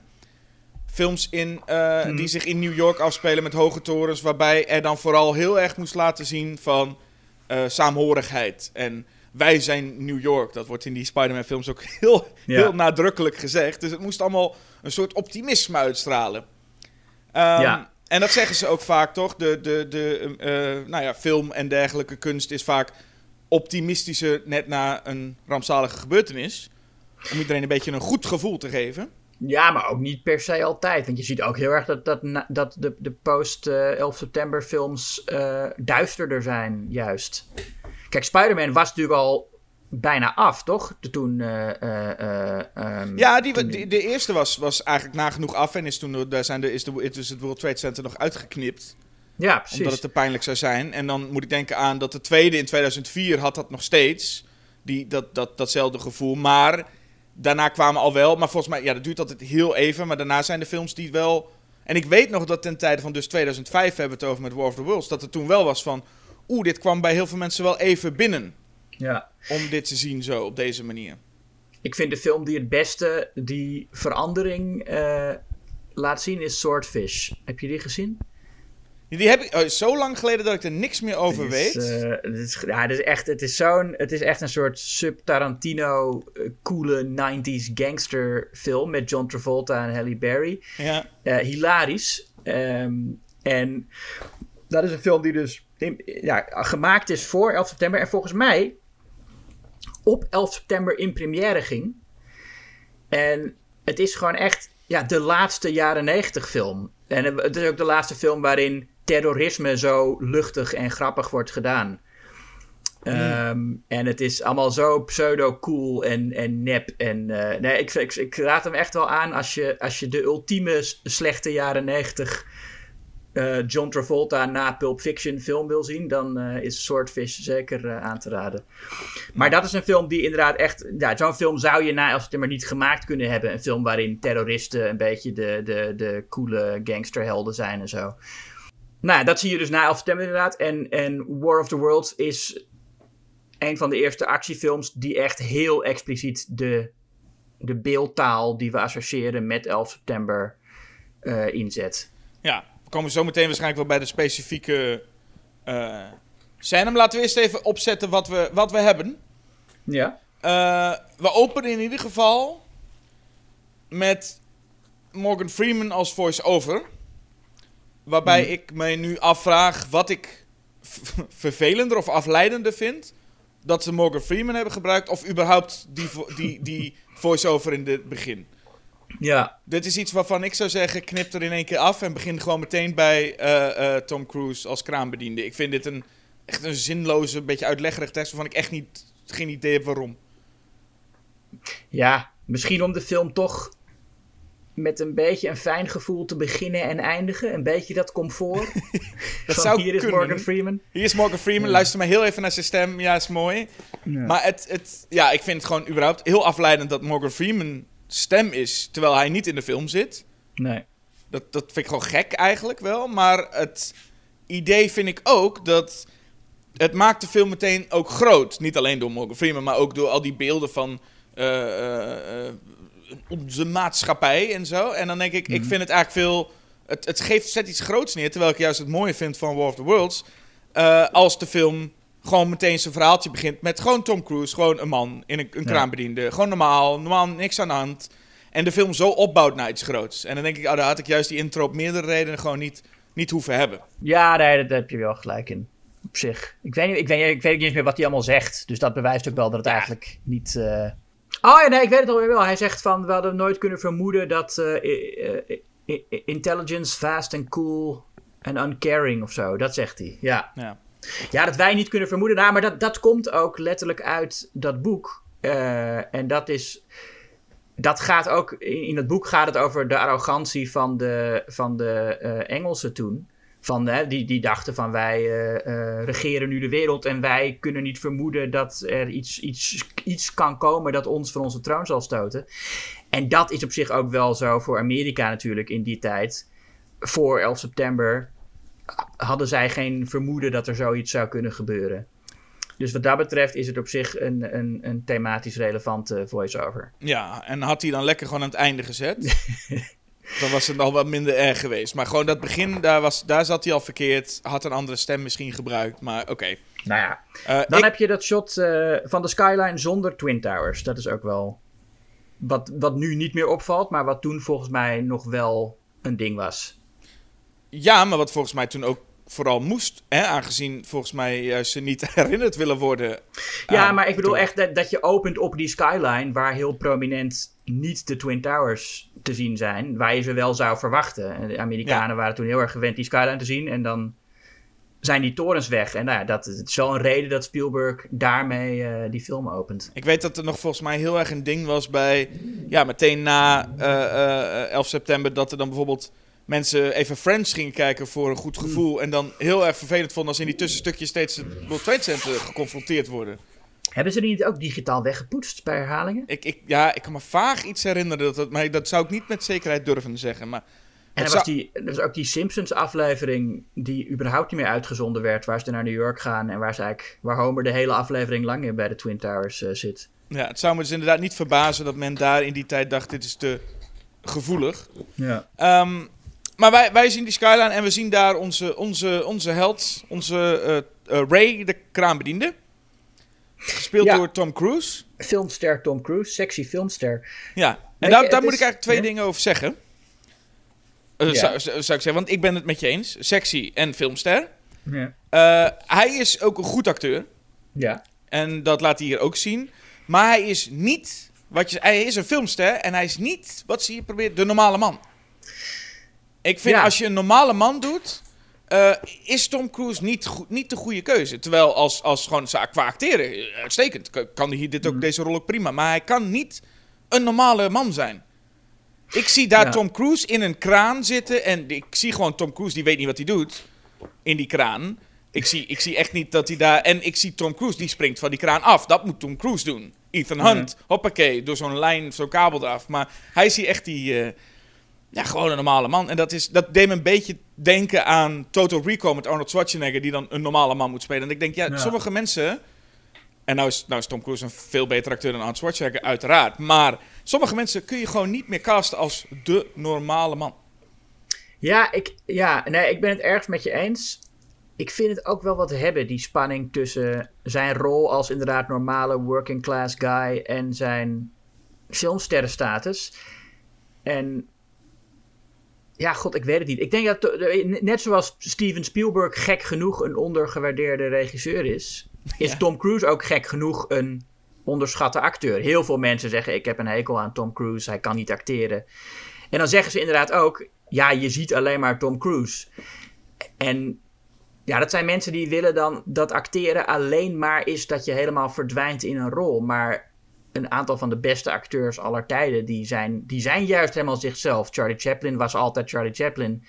En Tom Cruise is inderdaad altijd Tom Cruise. En ik ben heel blij dat er nog een filmster is bij wie dat zo is. Die echt die klassieke filmsterren eh, heeft. Nou, ik snap het ook wel. Ik, maar ik vind wel, als ik Mission Impossible kijk, dan zie ik Ethan Hunt. Tuurlijk zie ik wel dat, Mhm. ik zie, je ziet wel dat Tom Cruise, maar ik zie Ethan Hunt. Het is niet per se dat ik de hele Ja. tijd bij het Mission Impossible denk, niet de hele tijd, dit is Tom Cruise. Nee, maar zijn status overschaduwt wel altijd de personages voor mij. Wat ik iets positiefs vind, hè. Laat dat niet... eh, Nee, nee, zeker. Alleen dan, dan zoek je wel het randje op als je echt iemand neer moet zetten die echt gewoon een normaal working class guy is. Maar ja, nee, inderdaad. Dat had misschien, eh, misschien had het eh, Philip Seymour Hoffman moeten zijn. Nou ja, ja goed, dat zou ik nooit eh, vervelend gevonden hebben. Alleen, ehm, het, het wil inderdaad nog gewoon niet zeggen dat Tom Cruise geen goede acteur is. Want dat is hij absoluut wel. Ja. Ehm, en nou ja, we gaan, we gaan even zijn, eh, zijn gezinssituatie zien. Overigens, wat mij opviel, ik weet niet of jou dat ook opgevallen is, maar deze film Hmm. is heel raar belicht. Ze hebben een soort gebleekt effect over heel Ja. veel van die sho- shots heen gegooid, hè? Ja, kill. Het Ja, ziet maar er kill uit. Ja, kill, maar ook dat het een beetje uitgewassen is of zo. Ja, ja. Alsof ja. dat is eigenlijk een effect wat je heel vaak bij droomscènes ziet. Dat, dat effect, en dat is- zit hier de hele film door. En ik weet echt niet waarom die keuze gemaakt is. Misschien vonden ze dat mooi, maar het... Ja, ik vind het in elk geval mooi. Ik vind het echt goed werken in het begin. Het is meteen. eh, ehm, het is meteen eh, een soort sombere sfeer. En je weet echt, oké, we gaan een blockbuster kijken, maar een ander soort blockbuster. Het is niet, het is niet zo helder als. eh, nou ja, ik denk dat de, de, de, de beste, het beste voorbeeld van hoe deze film in de jaren 90 zou zijn, is natuurlijk Independence Day. Hmm. En visueel laat die film meteen zien dat het heel iets anders is dan Independence Day. Ja, klopt. Ik moet zeggen, dus we hebben dan ook de, de personages. En dat is wel... Ja, daar valt niet heel veel positief per se tussen. Het is gewoon, het is precies wat je verwacht. We hebben... Ja. Tom Cruise is een gescheiden man. Hij leeft alleen. Wat, dan heb je natuurlijk bedorven melk in huis. Hè? Dan Ja. lig, je, lig je motorblok zo op tafel. ehm, dan haat je hummus. Hè, dat vind je allemaal maar raar. En moeder die heeft natuurlijk een, eh, een, eh, een nieuwe vriend. Tim, uiteraard. Tim, daar is Tim. Ja. En Tim die, die, die betaalt, heeft de opleidingen betaald. En is natuurlijk heel... hè, wel, is, is precies wat, wat Tom Cruise niet is. Ja. En moeder is dan ook zwanger, zie je. Hè? Dus het, het, is ook echt, ze zijn gelukkig. En, nou ja, dan heb je dan, en dan de twee kinderen waar Tom Cruise op moet passen. En dat is dan zo'n tienerzoon Robbie. En die haat alles. En dochter Rachel is zo'n klein bedwetertje. En dan denk ik wel, oh, dit komt wel volgens mij uit een... Dit, dit komt uit een soort van boek waar gewoon... Nou ja, waar ze letterlijk uit gehaald zijn. Ja, eh, zijn zoon noemt hem bij de voornaam Ja, ook nog eens. ja. Eh, wat in Amerikaanse films altijd een, eh, een teken is van gebrek aan respect. Wat ik vroeger heel raar vond, Jasper. Want ik ben ook ik ben opgegroeid eh, met mijn ouders bij de voornaam noemen, omdat ze dat zelf deden. Mijn, mijn moeder die zei nooit van straks komt papa en mijn vader zei nooit straks komt mama. Dus ik heb altijd ze bij de voornaam genoemd, zonder dat ik daar enig benul van had dat dat zo raar was. Hmm. En nu ik, nu ik volwassen ben eh, en, en weet dat dat wel raar is, eh, vi- vind, ik, vind ik het ook heel vervelend om zo iemand te zijn die zijn ouders bij de voornaam noemt. Omdat het voor mij nooit een bewuste keuze is geweest. Het is gewoon, ja, zo, zo heten die mensen. Ja, nou, dat snap ik wel. Ik denk ook dat het bij in Amerika iets meer eh, een ding is wat betreft die voornaam. Is eigenlijk omdat ze in Amerika niet het u en jij kennen. Ja, dat is ja, wat we in zo, Nederland natuurlijk heel sterk hebben. Hè? Van heb je je ouders ooit u genoemd of jij? Ja. Eh, dat kennen ze daar niet. Maar dan zal dat misschien ja, meer meespelen. Het, het... Maar dat is wel zo'n typisch beeld. Hè? Je, je, je, je vader bij zijn voornaam noemen, dat geeft, dat geeft zo'n afstandelijk iets. Dan eh, eh, zeg nou toch gewoon eens papa. Nou, dat is ja, ook, een- dat is ook ja, een- of, of, ja, ja, precies, ja. dat is ook een zin wat hier natuurlijk letterlijk ook in terugkomt in deze film. Van, van dat, dat het een ding wordt. Tom Cruise wordt maar niet wakker. Heel tijd ja, Ray, nee, precies, tot Ray, die papa Ray. genoemd wordt. Ja. En dan roept hij heel hard dad en dan wordt hij wakker. Ja, dat... eh, ja. Ik had bij mijn oma zelfs een keer het tegenovergestelde. Mijn oma wilde nooit oma genoemd worden. En toen, als ik dan oma zei, reageerde ze niet. En als ik dan Anna zei, dan eh, keek ze op. Zulke moderne Wauw. familie heb ik, ja. Zo de Hier. hier. Eh, maar ik vind het wel, je hebt, je hebt gelijk dat het heel erg clichématig is. En ik vind ook zeker dat ze dan de honkbal gaan overgooien in de tuin. Ja. Eh, wat natuurlijk ook het Amerikaanse stereotype beeld is van vader en zoon play catch. Ja, en zo voelde het ook een beetje. Maar dat komt dus, dat voelt een beetje als bij die... Als Tom Cruise als vader, hij weet niet zo goed wat hij met zijn kinderen aan moet.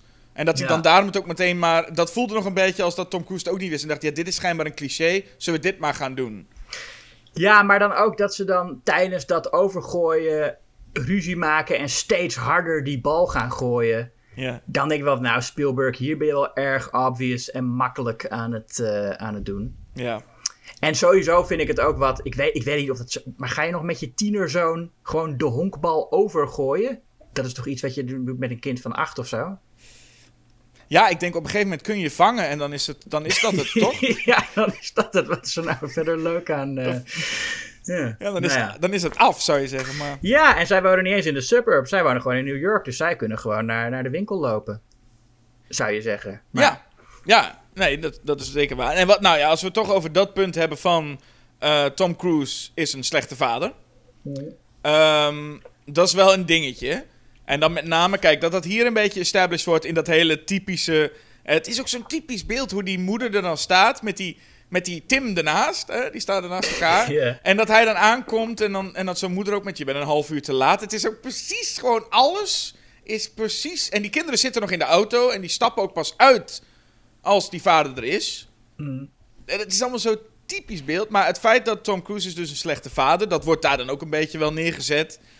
Maar wat mij vooral zo opvalt... straks dan breekt de hel los... Er gaan er weet ik hoeveel mensen dood. De wereld staat in de fik. En om dan nog steeds maar te blijven benadrukken... dat Tom Cruise een slechte vader is... dat gaat af en toe wel... Nou ja, op de, op de lachspieren werken ook wel. Ja. En dat is dan een soort van. Hè, ook, ook, ik, ik kan me voorstellen van misschien zijn je prioriteiten er nu niet meer. Maar terwijl dus de wereld in brand staat, zien we dat. Tom Cruise. Nou, hij weet niet hoe zijn dochter kalm moet worden. Hè. Zo, zo, daar is een trucje voor, die kent hij niet. Dat zijn Ja. zoon wel, maar hij denkt: wat is dat eigenlijk voor wat je aan het doen bent met je armen? Ehm, hij weet niet dat zijn dochter allergisch is voor pindakaas. Nou, dat, dat is toch wel een ding. Hij wil zijn kinderen nog voedsel geven. Ja, nee, hij wist dat niet. Hij, er wordt non-stop neer. Hij wil op zoek naar hun moeder op een gegeven moment in die hel. En dan wordt er steeds benadrukt: ja, dat wil je ook alleen maar om ons te dumpen en weer lekker je eigen gang te kunnen gaan. En ja, op, en hij kent ook slaapliedjes niet. ja. En- ja, en hij wordt ook nog eens terecht gewezen door die Dakota Fanning, dochter van hem. Die op een gegeven moment in het begin, als hij dan ruzie heeft met zijn zoon, eh, zegt zij ook van: That's not how you get through to him. Ja.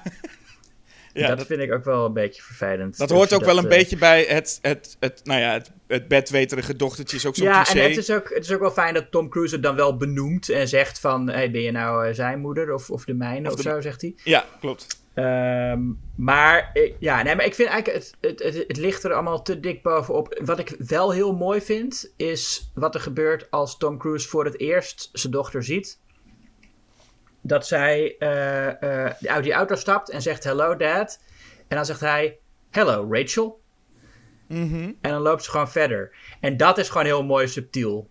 Dat het, of nee, hij geeft er nog wel een soort, een soort kleine knuffel. Ja, met, zij met- springt even tegen hem aan, volgens mij wel. ja, hoor. maar dat, ja. Is, maar dat is ook puur voor omdat het nou eenmaal zo hoort. Weet je wel? En, de- en hoe, hoe hij dat zegt. Hello, Rachel. Alsof, Mhm. alsof hij een, een collega ontmoet of zo. dat, dat, is, dat, dat is mooi en, en, en, en klein. Maar inderdaad, die dingen die er zo dik eh, bovenop liggen. Ja. Ja, Ja. het is gewoon, er is een moment ergens later in de film dus dat eh, Tom Cruise zijn dochter wil, tot rust wil laten komen. Eh, dat wordt eerst nog een keer grappig gedaan met dat hij die handen na probeert te doen en dan zegt ze ook, ja, zo werkt het niet. Ja. Maar er is ook op een gegeven moment dat hij dus die slaapliedjes niet kent.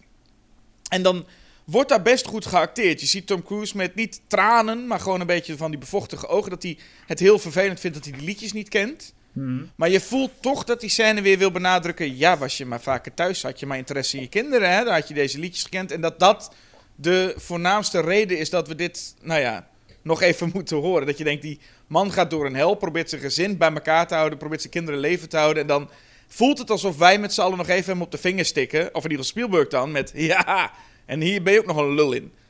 Ja. En, en dat, ja, dat, dat mocht wel ietsjes minder. Ondanks dat hij misschien een slechte vader is. Maar ik denk, ja, volgens mij wisten we dat nu wel. In dat eerste stukje. Gewoon die eerste 20 minuten prima.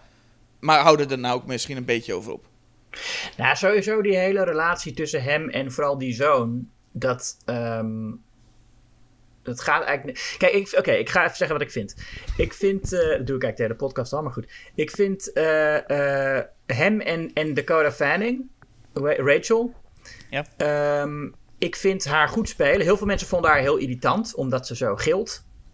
Ja. Ik vind dat gillen, dat vind ik best realistisch. En op zich, dat bedweterige dochtertje ook wel. Want je hebt kinderen die zo zijn.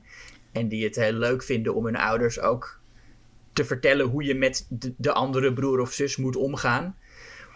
Eh, maar ik vind, het, ik vind het een, in combinatie niet goed werken. Dat zij en zo rationeel is en zo eh, in blinde paniek raakt. Hoewel, ja, dat, zijn, dat, is natuurlijk, dat, dat kan gebeuren als er aliens komen. Maar ik vind het in combinatie niet zo goed werken. Nee, dat past inderdaad niet. Zij, zij is twee personages in één.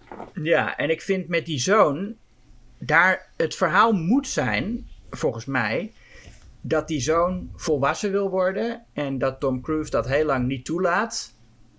En dat hij op een gegeven moment ziet van, oké, ik moet nu mijn zoon zijn eigen pad laten kiezen. En dan laat hij die zoon gaan en dan gaat hij mee hè, met die soldaten. Gaat hij mee vechten tegen de aliens. En dat is dan de les die Tom Cruise geleerd heeft van ik moet niet zo, eh, ik, ik moet mijn zoon gewoon laten doen wat hij zelf wil. Maar dat is het verhaal helemaal niet. Want het, hij is niet een ouder die zich heel erg bemoeit met wat zijn zoon wil. Of die heel erg wil bepalen wat zijn zoon moet doen. Dat wordt nooit naar ons gecommuniceerd. Het is gewoon, er zit afstand tussen die twee. Ja. En hij, hij is niet een, een vader die eh, eh, te veel invloed op het, op het leven van zijn zoon wil hebben.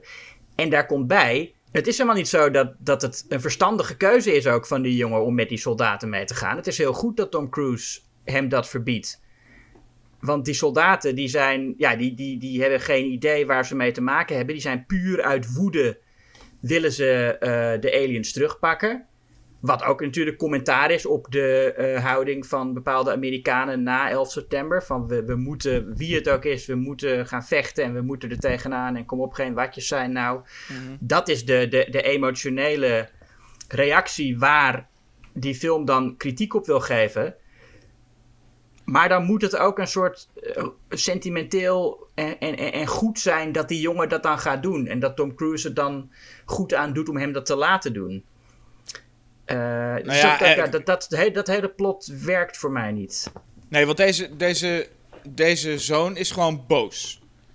Ja, Dat is zijn ding. Hij is boos. En hij ze roepen ook vrij snel. Hè? Hij is onder andere een van de mensen die meteen roept als, uh, als, de, als de pleuris losbreekt van... Zijn het de terroristen? En ja, Rachel wordt- vraagt dat ook. Ja, en wordt dan boos. Ehm, en daarvan voel je dan, want hij heeft ineens een soort van, als het leger komt, kwam, komt vrij uit het niets, wat mijn gevoel, dat hij mee wil. Hmm. Ehm, omdat hij niet, en dat, dat, daar, daar spreekt het, eh, het dochtertje, eh, eh, haar broer ook wel goed op aan, van ja, en ik dan? Laat je Ja. hem nu alleen? Ja. Waar hij nooit echt een goed antwoord op heeft. Eh, Nee. Van ja, inderdaad, dan laat ik jou alleen met onze vader. Maar hij, heeft, hij is dan wel steeds boos op Tom Cruise. Van jij was er nooit en je bent er nooit. Hmm. En die, die, die woede lijkt op een of andere manier iets met elkaar te maken te hebben. Alsof, nou ja, die boosheid die we dan hebben richting terroristen ook een beetje voortkomt uit. Ik ben ook boos op mijn ouders, die er nooit waren of zoiets dergelijks. Ja. Zo wordt het nu in ieder geval een beetje verteld, omdat het inderdaad vrij uit het niets komt. Ja. Want als ik puur kijk naar de band die Tom Cruise met zijn dochter heeft, lijkt het niet erop dat Tom Cruise echt een verschrikkelijke vader is die, nou ja, echt het helemaal heeft laten afweten. Nee, nee, nee, zeker niet. Maar op een of andere manier heeft zijn zoon inderdaad iets met. Als hij het leger ziet, dan wil hij meevechten. Die woede. Terwijl Ja. die zoon niet iets heel heftigs nog heeft gezien.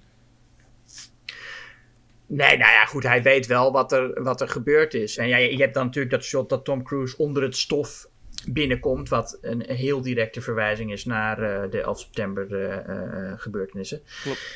Ehm, en je hebt, wat, dat vind ik eigenlijk misschien ook wel een van de meest, wat, waar ik ook denk, een beetje te obvious, dat Tom Cruise het volkslied aan het zingen is. Want er gaat dan, hij denkt dat er vuurwerk afgaat.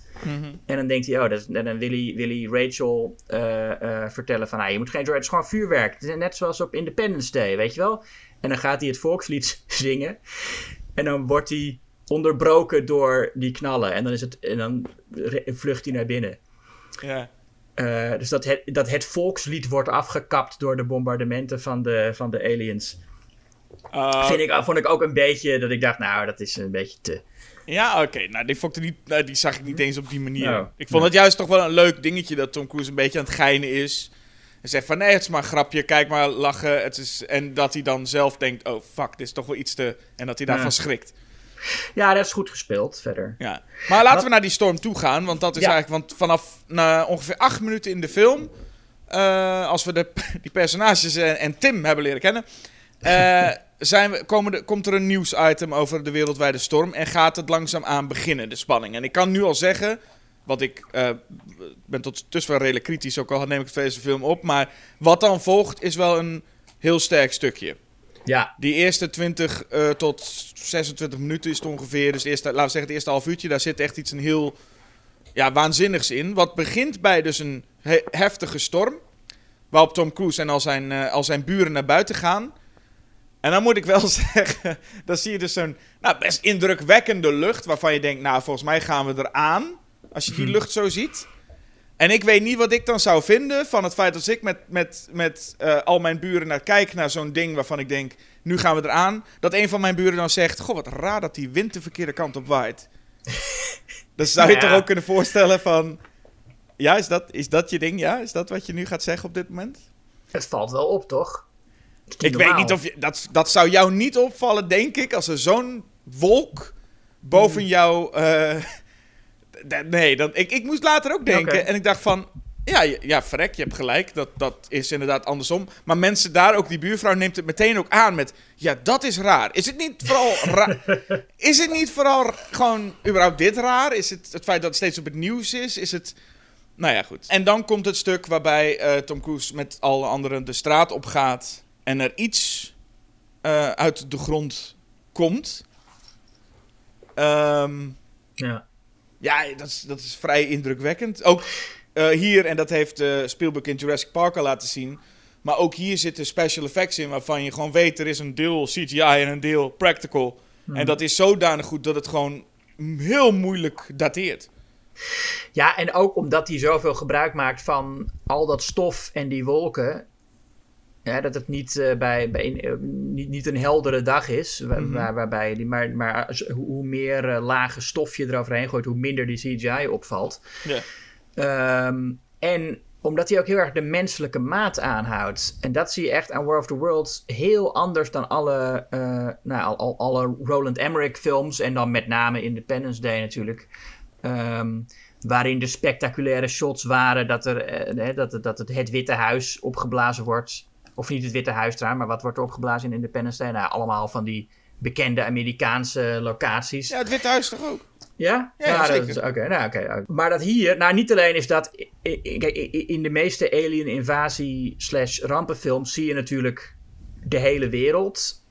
En hier blijf je de hele film lang bij Tom Cruise, bij die ene man.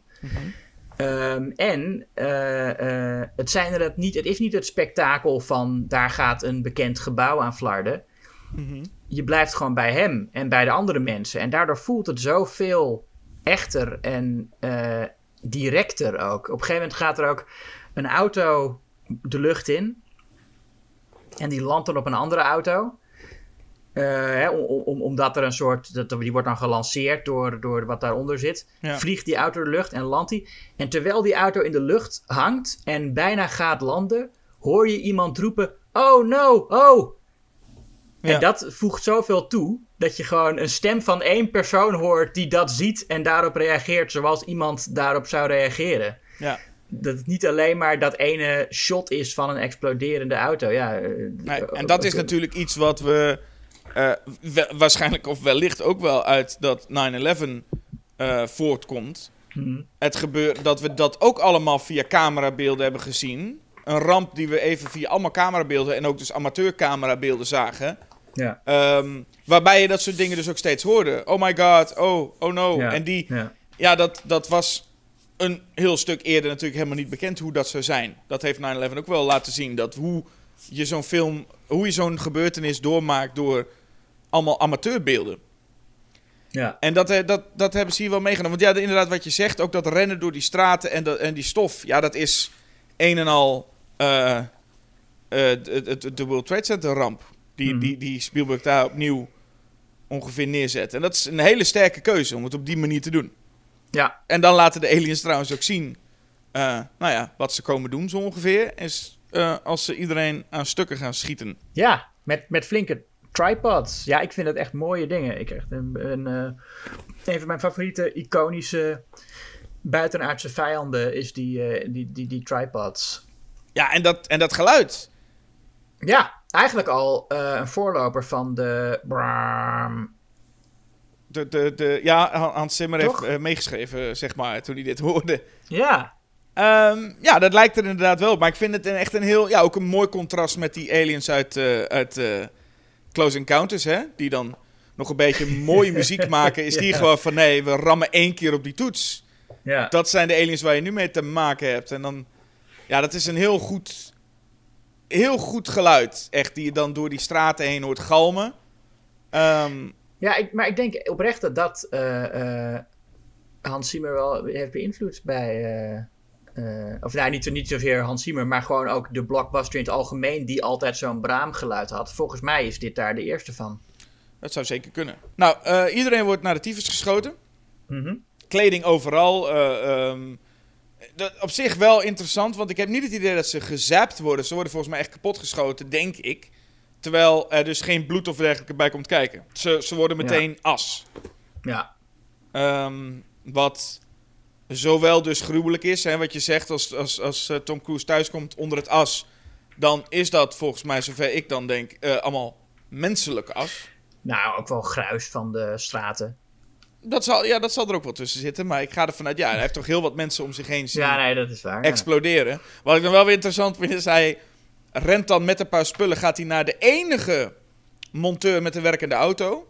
Wat overigens door Tom Cruise zelf komt, hè, dat die auto nog werkt. Want Tom Cruise, hij loopt er langs, dus zijn automonteur aan het sleutelen. En Tom Cruise, die is, dat is een kraambediende, maar die weet ook perfect iets over auto's. Dus die zegt dat tegen de monteur, ja, ik, ik ken geen auto-dingen, dus ik doe even dit in plaats van dat. Oh, dat ga ik doen, zegt die man. en dan blijkt Tom Cruise het ook daarin wel weer bij het, eh, het goede eind te hebben. Maar dan, dan wil Tom Cruise die auto meenemen en hij zegt ook tegen die automonteur, stap in, we gaan nu weg. En dan gaat die automonteur een soort van, ja, nee, dat kan niet, ik moet die auto ook weer inleveren. Jongens, we, ik, ik moet ook weer gewoon aan het werk. Dat je denkt, heeft die automonteur niet door dat er heel veel mensen nu op, eh, aan, stukken ges- eh, eh, geschoten worden op dit moment. Ja. ja. Hij is, daar, hij is nog echt wel bezig met zijn... ja, nee, Nee, maar, niet- maar, maar hij, hij weet dat toch nog niet? ja, maar het, is maar, het is maar één straat verder waar dat Ja, gebeurd is. Eh, ja. Er staat een torenhoog nee, ding ja, mensen kapot te schieten. zou- ja, nee, dat is zo. Dat is zo dat En die automonteur denkt, Nee, ja, goed, nee, niet die auto stelen, maar goed. Eh, hij gaat er ook aan, want eh, Tom Cruise gaat met gezin eh, vandoor in de enige werkende auto. Want dan moet er een beetje meer verteld worden over wat mogelijk nu aan de hand is. Want het enige wat we eigenlijk nog maar weten is dat er gewoon een tripod opgestaan is. En dat dat over de hele wereld aan het gebeuren is. Ja. En dan begint Tom Cruise veel te snel in die auto al tot met conclusies te komen die ook allemaal blijken te kloppen. Hij begint al meteen een soort van tegen zijn kinderen. eh, hij is nog een beetje in shock, lijkt het, maar hij zit al te, te raaskallen tegen zichzelf. Ja, die dingen zaten gewoon al in de grond. Die zullen er misschien wel heel lang hebben gezeten. En die bliksems, dat zal er wel iets mee te maken hebben. Dat zal er wel misschien. Op die manier kwamen ze misschien erin. Denk ik, ja, hallo. Ja, een beetje, een beetje gedoe, hè? Wel een heel mooi shot waarin hij dat allemaal vertelt. Ehm, Steven Spielberg doet heel vaak... Hij, hij knipt eigenlijk nooit als het niet hoeft. Maar hij heeft heel veel onopvallende long takes. Als je erop gaat letten, dan zie je dat op zich wel. Dat, dat, dat, dat die echt in dialoog zijn en zo min mogelijk knipt. En hier is het echt best wel een spectaculaire long take... die hij helemaal niet had hoeven doen als eh Cruise en zijn kinderen in die auto zitten en die camera die draait twee keer om de auto heen en gaat dan helemaal naar achter. Ja. En zoomt helemaal uit. Ja, dit had prima inderdaad een heel standaard autogesprekje kunnen zijn. Met eh ene hoek, andere hoek. Maar draait om die, om die auto heen, ja. Ja. Terwijl ze dus rijden dus, nou ja, op een weg met allemaal mensen die allemaal geparkeerd staan. Allemaal mensen die daar lopen met wat moet ik doen. En een soort verbaasd reageren met er is nog één daadwerkelijk werkende auto. ja. Ehm, dan komen ze bij moeder thuis. Ja, dat zie ik trouwens vaker in films. Dan gaan ze eten dus. Dat was dat hij dacht, komt dat, hij met, dat, dat eh, zijn dochter een pindakaasallergie heeft. ja. Maar ik begin me altijd zo dat mensen zeg maar, hun brood op het aanrecht leggen. Dat je niet even een bordje pakt. Dat zit, dat zit in zoveel films. Dat ze altijd die- plakken brood zo pop op het aanrecht flikkeren. Ja, Ik- omdat eh, dat is net zoiets als dat je geen doei zegt als je de telefoon ophangt. omdat een bord pakken gewoon extra tijd is. Ja.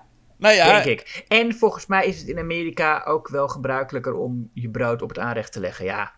Het zijn, het zijn primitieve mensen op sommige gebieden hoor. ze hebben gewoon, ze, hebben gewoon eh, eh, ze leggen een, een, een brood gewoon daarop en hebben dan ook niet eens een stamper. Ja, dan gaan ze met een mes plakken kaas snijden. Ja. Dat, is, dat is helemaal niet goed. Ik weet niet of ze dan, dan vraag ik me zelfs af of ze net als Tom Cruise met een pollepel normaal gesproken hun brood smeren. Want dat is wat hij hier doet, hè? Hij pakt zijn maar pollepel en dan... Ja, nee, oké, maar dat is gewoon in de, in de chaos en in de haast en de stress. En je pakt gewoon het eerste wat je vindt. Dat, dat snap ik inderdaad. Ja, daar ging ik ook niet van uit. Ja. Ehm, nou, het is bij de, in deze scène dat To- Tom Cruise dan de uitleg krijgt over... En dan blijkt dus ook dat hij eh, gelijk had wat betreft zijn theorie die hij even in de auto verzon. Want daar komt een soort van nieuwsteam tegen. Waarbij zo'n vrouw dan ook zegt van... eh, ja, kom eens, kom, eens, kom, kom eens kijken. En dan gaan ze die beelden bekijken van die bliksems. En dan zie je in zo'n bliksem zo'n soort alien naar binnen gaan in zo'n ruimteschip. En dan denk ik, nou, dat ziet er ook Hmm. een beetje dom uit. En dan ook gewoon een- dat zo iemand dat dan vertraagd afspeelt en zegt, kijk, kijk, kijk, daar gaan ze. En dan, ja, Ja. dat was prima eigenlijk ook nog eens een keer geweest als Tom Cruise er dan achter komt. Maar eigenlijk bevestigt dat gewoon zijn theorie. Dus waarom, waarom had hij zelf die theorie als gewoon niet een nieuwslezer... of iemand van, van het nieuws, een journalist, hem dat later gewoon kon vertellen? Ja, en op zich snappen wij dat toch ook wel. De film heet War of the Worlds. We weten dat het over een invasie gaat. Ja, dan weten we, die beesten zitten onder de grond. Eh, prima. Nou, die, be- ja, die beesten. Maar het is meer dat ze willen uitleggen dat, dat wij misschien niet denken... Hè? Maar lagen al die, die aliens, zaten die al in dat schip al, al die ja- tijd? Nee, ze zijn met die storm dan meegekomen. Ja, ja, nou, oké, oké. en dat ja. ik denk van ja, maar ik, ik weet ook niet wat we met die uitleg per se moeten. Ja. Maar goed, dat zijn, dat zijn details, vind ik. Dat is zeker, maar daar zijn we ook voor hier. Of- ja, dat is ook waar. Of mogen we het dan even de grote lijn hebben? Nee, je hebt gelijk, je hebt gelijk. Oké. Ik, ik kan me nog iemand herinneren die bij, bij, die bij Prooi een half uur zat te praten over dat iemand parkeerde in Amsterdam. Dat is ook belachelijk, ja, eh, Oh, ik heb, oh nee, wat heb ik gezegd? We gaan door. Ja. Ehm, oh ja, als ik dan toch naar een van de beste scènes. Want ik zei al dat, dit, eh, dat, dat die opening of die eerste 20, 30 minuten. Maar er is één scène waar Spielberg het nog spannender maakt, eigenlijk. En dat is als eh, ja, ze zitten in een grote groep mensen, mas, in een mensenmassa, en zijn de enige met een werkende auto. Ja. Ja, die scène is, is, is oprecht bijzonder spannend. En er komt geen alien bij kijken. Nee. Nee, het gaat hier echt over de mensen die eh, nou ja, in, in, in deze crisissituatie blijkbaar meteen. eh, dat is een, een behoorlijk pessimistische visie van Spielberg. Mhm. Dat mensen in zo'n crisissituatie ja, wilder worden.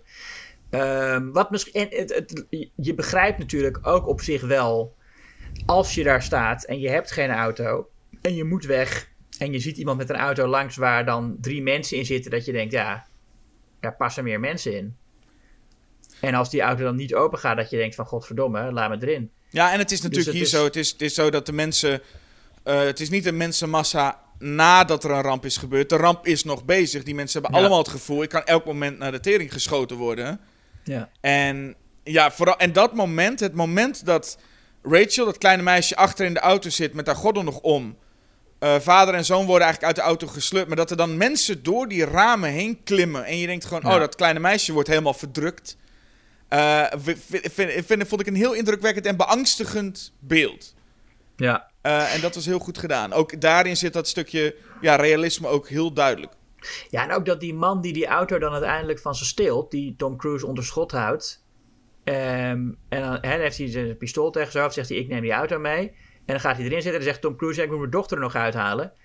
Dat die man dan zegt: van ja, oké, doe maar. Van de, hij, dat is ook niet, eh, niet een eendimensionale schurk, die gast. Die Nee, snapt ook wel van: eh ja, je, tuurlijk wil je je kind eruit, doe maar even. en je hebt ook al die mensen die natuurlijk in paniek en zo in die auto klimmen en die als egoïstisch zijn, zijn ook echt niet van, oh laten we eens lekker een meisje verdrukken. Maar, je, Nee, het, het- nee. het- het- maar het, het idee dat het gaat gebeuren, ja. ja, dat maakt het extra, extra realistisch en daardoor ook extra beangstigend. Ik, Ja. ik weet alleen niet of het heel realistisch is dat we hier in Amerika zijn en er in een hele grote mensenmassa maar twee mensen een pistool hebben. Verder helemaal niemand. Ik denk iedereen zou dan met een pistool. Ah, nou ja, dat is een beetje. Ah, dat is New York, hè? dat is, wat is New York? In New York valt het wel mee. Zijn ze nog steeds in. New York? Nee, toch? Of zijn ze nog steeds in New York? Nee. Nou, waar zijn ze anders? Ze zijn al bij die zijn- moeder geweest in Boston. Ja. En dan gaan ze- eh, ja, maar dat is, dat is ook, dat is ook... Ja, oké. En ze zijn dan alweer verder, toch, geloof Ja, ik. Maar, ik nou weet, goed, waar ze ook zijn. Ja. maar ze gaan op een gegeven moment dus schuilen bij Tim Robbins. Oh, je slaat de hele veerpont over. Ik dacht dat, ik dacht dat, dat dat was namelijk eh, mijn favoriete actiescène in de, Nou. in de film. Dat die hele veerpont eh, omver gaat. Dan spoelen we even weer terug. Oké. Nou ja, ik, dat heb ik toen in de bioscoop gezien. Ehm, en dat was daar echt enorm indrukwekkend, kan ik je vertellen. Eh, ook omdat het nou, ook weer een combinatie van CGI en echt is. En je, je ziet wel echt dat er ook gewoon echte ouders tussen zitten.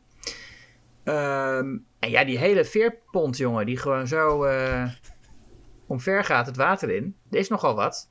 Dat is wel indrukwekkend. En inderdaad dan van die grote totaalshots met op de achtergrond meerdere van die tripods die eh, tevoorschijn komen.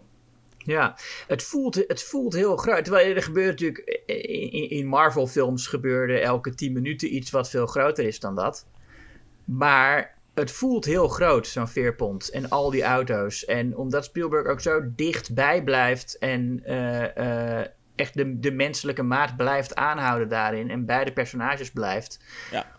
is dat echt een behoorlijk indrukwekkend ding. Als je het in de bioscoop ziet. Ik vond het dus gisteren op tv, eh, of nou tv, gewoon hoe ik het hier thuis keek. Ehm, ook nog steeds wel heel goed, maar minder indrukwekkend dan in de bioscoop. Ja, en het is natuurlijk ook fijn wat je zegt, dat hij zo bij die personages blijft. We hebben dus geen wolkenkrabbers zien instorten. Nee. Hij laat heel weinig zien van die, Ja. dat grote. Dus, en, en dat zou het waarschijnlijk ook zijn. Zo'n veerpont komt heel indrukwekkend over. Maar wat je zegt in een Marvel-film of Roland Emmerich-film... had je al lang 60 eh, eh, gebouwen tegen de grond zien gaan. Ja, dan is dat allemaal niet zo, zo spannend meer. Nee. nee, maar die doen het, dus zeker de Marvel-films van nu, die houden helemaal niet de menselijke maat aan. Die gaan met een, met een, met een digitale. eh, eh, eh, d- daar gaat de lens die, die vliegt tussen die gebouwen door terwijl ze instorten. En je, je bent niet bij een pers je kijkt niet vanuit het perspectief van een personage. Ik bedoel niet letterlijk een point of view, dat is hier ook niet. Maar het is wel zo dat je echt bij het perspectief van de mensen blijft. Ja, een, een, een, een gevecht in een stad als New York, zoals bijvoorbeeld in een The Avengers, moet, Hmm. zou het, als je daar een, bij de mensen zou blijven, zou het heel indrukwekkend en heftig zijn. Ja. Maar we zijn bij de superhelden die rondvliegen en dan vinden we het alleen maar leuk. Oh, die gaat nog een keer door een toren en nog een keer door een toren. Ja. Dat was eigenlijk het moment, hè. Dan praten we over tien jaar na 11 september eh 2001. En toen was het eigenlijk leuk. En dat je bijna denkt dat de Amerikanen toen aan het schreeuwen waren. Nog een toren, nog een toren. Ja. Dat is een verschil. Ja. Maar dan gaan we schuilen bij Tim Robbins. Althans, dat heb ik. Ja, zijn zoon is dan al weg. En jij zei net al dat zijn zoon... Hij zijn zoon een soort van daar naartoe laat gaan. Maar hij probeert zijn zoon natuurlijk wel nog tegen te houden. Maar het lukt hem gewoon op een gegeven moment niet meer, hè? Ja, ja, nee, klopt. En die zoon die zegt dan ook letterlijk: You need to let me go. Ehm, terwijl dat, nou ja, wat ik net al zei, helemaal niet iets is wat, wat het thema van dat verhaal. eh, Het is helemaal niet goed gecommuniceerd dat dat het thema is. En dat slaat helemaal nergens op eigenlijk. Nee, Tom Cruise wil dat Maar- ook helemaal niet. Maar zijn dochtertje wordt ondertussen ook meegenomen door mensen. Ja, daar zijn we inderdaad. eh, Dat, dat hij ehm, denkt van, ja, verdorie, ik moet nu kiezen. Of nou, niet kiezen, maar dan weet zijn zoon wel te ontsnappen. Je kunt ze niet allebei bij Ja. elkaar houden. Nee, precies. Dus dan moet hij zijn dochtertje gaan redden. Ja. Die overigens, dat is ook een, ook een, eh, een, een raar, of, ja, best wel een schokkend shot in zo'n film als dit. Dat zij eh, bij, bij die rivier staat en al die lijken ziet eh, drijven, ziet langsdrijven. Klopt. Dan denk je ook, ik zit nou naar een, naar een blockbuster van Steven Spielberg te kijken. waarin een klein meisje opeens een rivier vol lijken. Ja, dat is ook, nou ja, dat, dat zie je ook de Emmerich niet doen. Nee, en dat Ehm, is wat je zei. eh, Emmerich, of nou, laten we nog een keer de Marvel-films aanhouden. Daar zijn geen lijken, want daar zijn Nee. geen doden. Nee. En ja, die zijn er bij wijze van spreken wel. Dat zegt men dan ook voor de grap vaak wel, hè. Van, oh, zo'n, hier zijn weer zoveel doden, hier zijn weer zoveel doden. Maar die Ja. zijn er dan niet. En hier laat Spielberg, ondanks dat we ze ook heel voor een groot deel zien... eh ja, weggezapt zien worden... zien we ze nu gewoon echt inderdaad... eh, eh, zien we echt gewoon nog mensen drijven. Ik dacht in mijn, in mijn herinnering waren het namelijk allemaal kledingstukken. Nou, En nu ineens zie ik van, oh verrek, het zijn echt inderdaad gewoon de lijken. Dat is wel, valt wel even op. Jij dacht die aliens die zeppen alleen de mensen weg en de kleding die blijft. Nou, dat is in, de, in die straten toch zo? Als ze, in die, als in die straten rennen, zie je toch allemaal kledingstukken zo heen en weer wapperen? Hè? Of niet? Ik dacht dat die, nee, die mensen worden gewoon in hun geheel weggezept, volgens mij. Ik heb een beeld voor me dat alleen die kledingstukken overblijven. Nee, maar dan, heb, dan, heb, dan ben je in de war met iets van de rapture. Dat geloven bepaalde christenen, dat als je naar de hemel gaat, dat je kleding hier achterblijft op de dag des oordeels. Oh ja, ik ben in, ik ben in de war met de rapture inderdaad. maar ze mogen dus schuilen bij Tim Robbins. Mhm. Want als Morgan Freeman de voice-over doet, moet je Tim Robbins ook in je film hebben. Ja. Op zijn minst. Ehm, ja, daar duurt, duurt het allemaal wel een beetje lang, vind ik. Ja. En Nou ja, ik moet zeggen, ik vond het de eerste keer dat ik hem zag vrij lang duren. En toen zag ik hem vandaag weer. Toen dacht ik, oh, daar komt weer dat lange Tim Robbins stuk. Maar toen was het eigenlijk zo voorbij.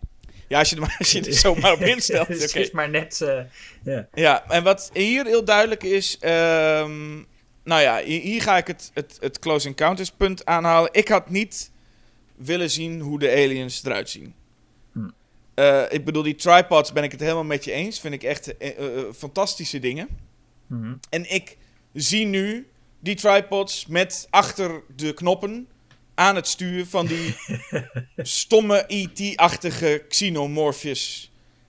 En dan denk je, ja, dat was een beeld wat ik niet per se had gewild.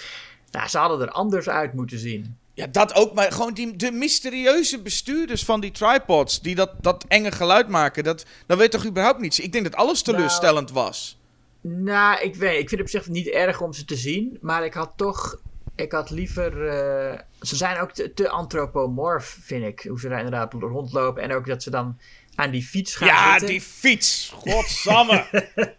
oh, dat is, dat is... Nee, maar je, je, je hoort bij die scène, hoor ik in mijn gedachten... Hoor ik dus zo'n E.T.-stemmetje met... Oeh, bike, bike, bike, bike, bike. En dan valt hij... en Oeh.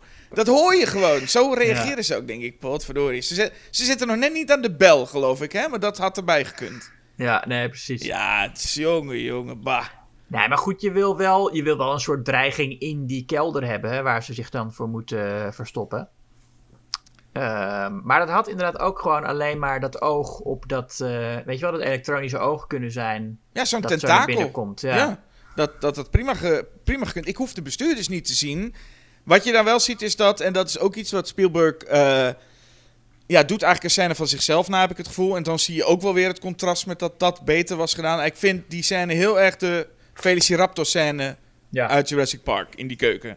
ja. Eh, met die twee aliens stil zijn, verstoppen. Oh, weer een geluidje. En dan denk ik, ja, dit ja, ook mede door het design hoor. Maar die scène was toch wel een stukje spannender en beter gedaan dan, dan hier. ja. En ja, dat, is, dat, dat, dat design is ook gewoon dom. En ik denk, dan, dan, denk je, oké, tijdens Close Encounters had je niet moeten doen. Maar heel veel hebben ze er nou niet van geleerd. Ja, ze zijn nu CGI en die lichamen zijn ietsjes gekker. Maar het is nog steeds zo'n... Het is in mijn ge- ogen nog steeds zo- zo'n zo'nzelfde soort hoofd hebben ze nu, toch? Ja, nou, ze- het hoofd heeft een soort, een soort eh, hoe noem je dat nou? Een soort kam of zo. Het is een beetje, nou, maar dat hebben ze in Independence Day ook. Die aliens hebben ook een soort ze- rare flappen op hun hoofd. Beetje Triceratops idee. Ja, ja, precies. Ja. Ehm, ja, nee, dat is waar. Maar wat ik wel mooi vind aan die scène is op een gegeven moment heeft Dakota Fanning een spin op haar gezicht. Ja. En dan zou je denken van, oh, die spin, dat is dan natuurlijk dat ze dan eh, gaat schreeuwen. Ja. Maar de, ze reageert er helemaal niet op. Die spin die loopt daar gewoon en zij eh, merkt dat eigenlijk niet eens. En dat vind ik wel gaaf. Oh ja, dat zo, ik. eh, ik, heb, ja. ik heb de hele spin niet gezien. Oh nee? Nou, Nee. Volgende keer opletten. Eh, maar toch is er wel een gevalletje wat er nu gaande is. Kijk, die, dat, dat begin. En misschien eigenlijk wel gewoon de, de, de hele eerste helft van de film. Is, is dat stukje realisme en rauwheid, zou ik het ook willen noemen.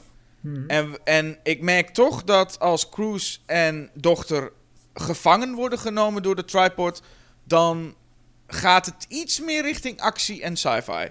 Dan dat rauwheid en realisme verdwijnt wel een beetje. En ik wil nog niet zeggen, het wordt nu meer Emmerich. Mhm. Dat zou ik ook weer niet zo willen stellen. Maar het is wel een klein beetje. Een klein beetje het geval. Dat dit toch nu meer een actiefilm gaat worden. Tom Cruise Nou, wordt iets meer de actieheld. Dus Ja. De, shots worden ook. Er is een shot van. Het ziet er allemaal best wel leuk uit. Maar er is een shot van Dakota Fanning. Die dan met zo'n grote tripod voor haar. En dan staat ze naar naartoe te kijken. Die tripod komt dan heel dichtbij. En dat is oké shot. Maar het, wordt, het is wel wat jij net ook zei. Dat, dat, dat realisme van die straatscènes. Dat er allemaal niet gelikt uit moet zien. Ben je dan wel kwijt. Ja, nou, ze willen toch inderdaad ehm, hem, omdat het verhaal natuurlijk in principe geen held heeft die de aliens verslaat. Ze gaan uiteindelijk allemaal dood aan verkoudheid. Ja. Eh, maar wil Steven Spielberg toch een moment toevoegen waarin Tom Cruise dan toch de actieheld is. Wat trouwens, wat we nu nog niet genoemd hebben, is dat hij Tim Robbins eh, eh, moet dood. Gaat hij doodmaken. Ja. Dat vind ik ook heel mooi gedaan. Op een gegeven moment komt hij inderdaad tot de ontdekking dat die Tim Robbins helemaal doorgedraaid is en dat het niet veilig voor hun is om daar te zijn. En dat hij hun waarschijnlijk van kant gaat maken als zij het niet eerst doen. Mhm.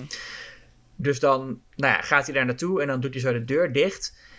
En dat is geen heroïsch moment. Je, je, je had ook kunnen zeggen van we maken er een moment van dat hij in gevecht is met Tim Robbins. En dan, eh, en dan zie je net op tijd hoe hij dan met zijn pistool trekt of wat dan ook.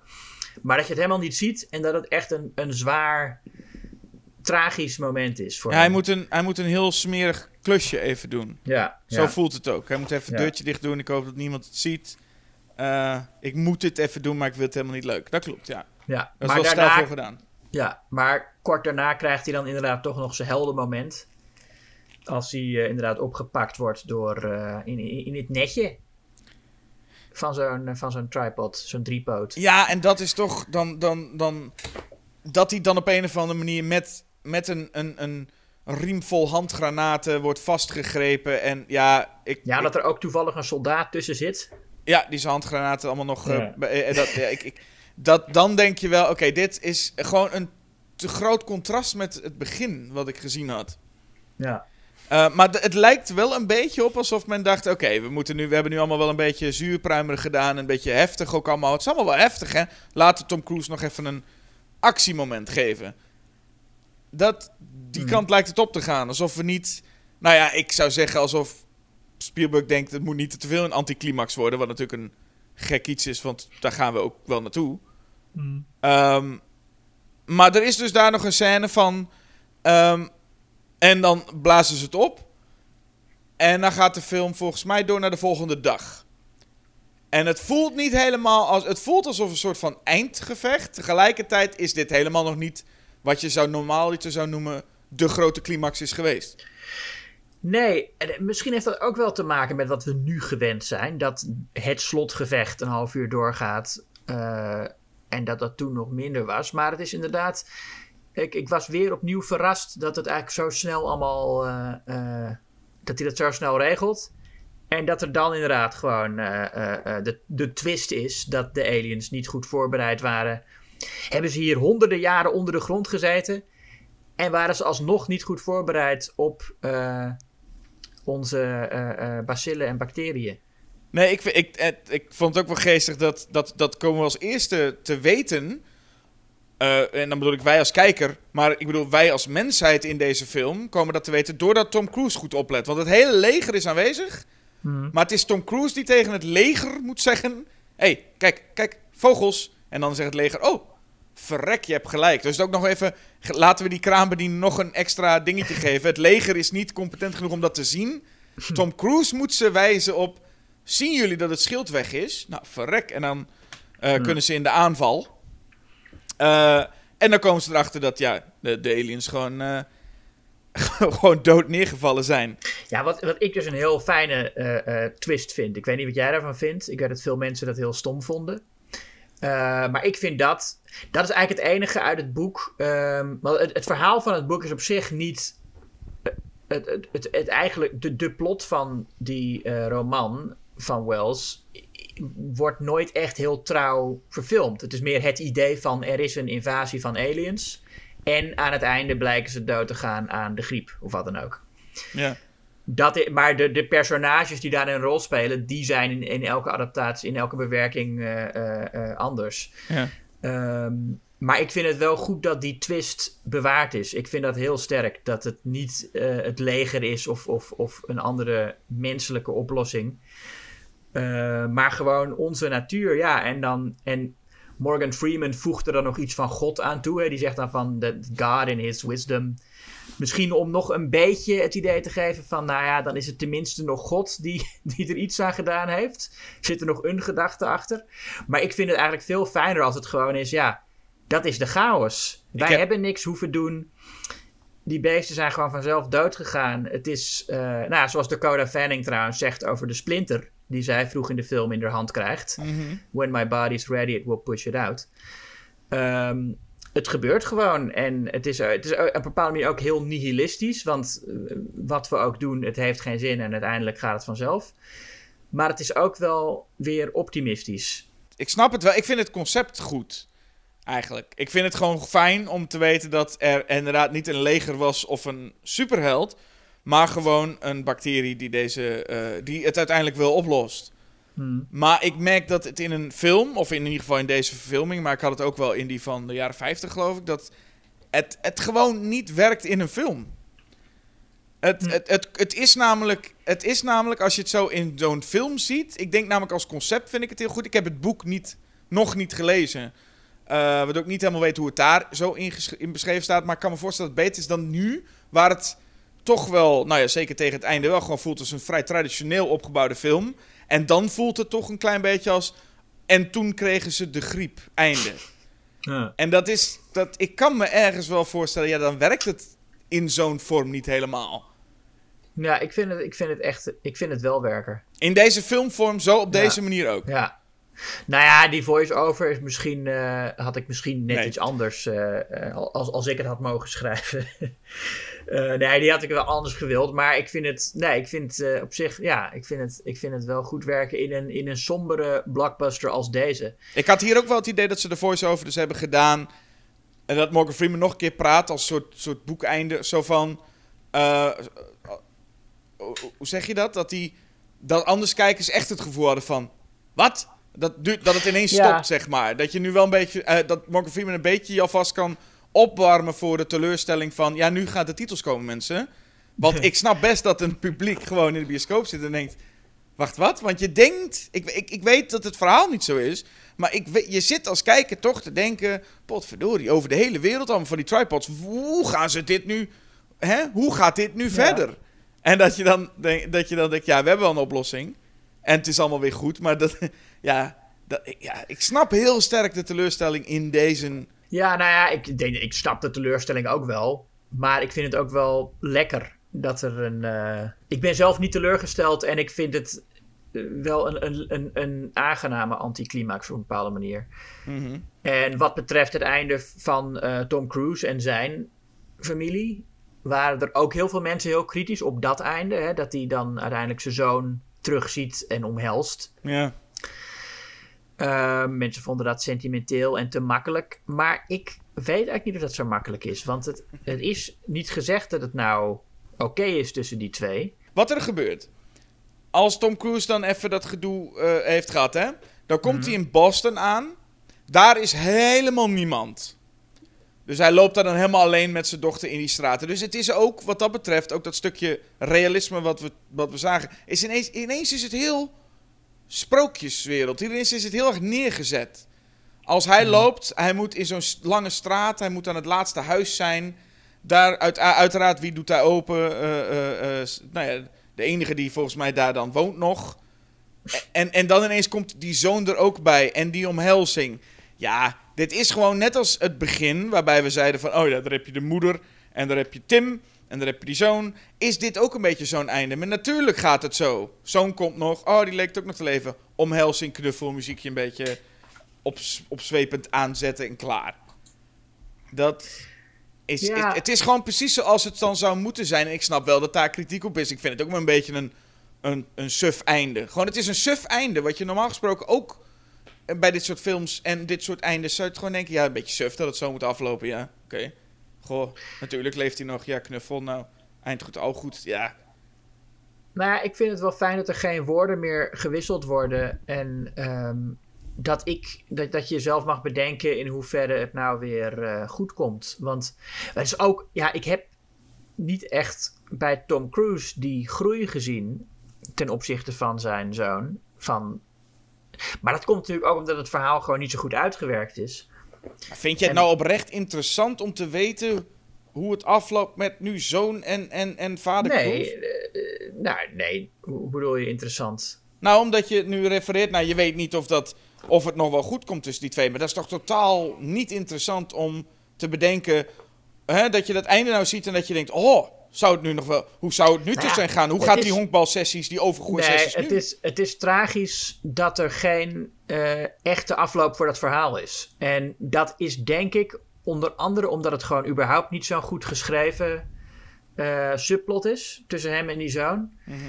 En omdat Robbie ook, zo heet hij namelijk. Ja, Ik heb wel eens gezegd dat hij Robbie heet. Robbie. Robbie eigenlijk, die is ook in elke scène waar we hem zien alleen maar dat. Weet je, hij, is, hij heeft eigenlijk één stemming. Mhm.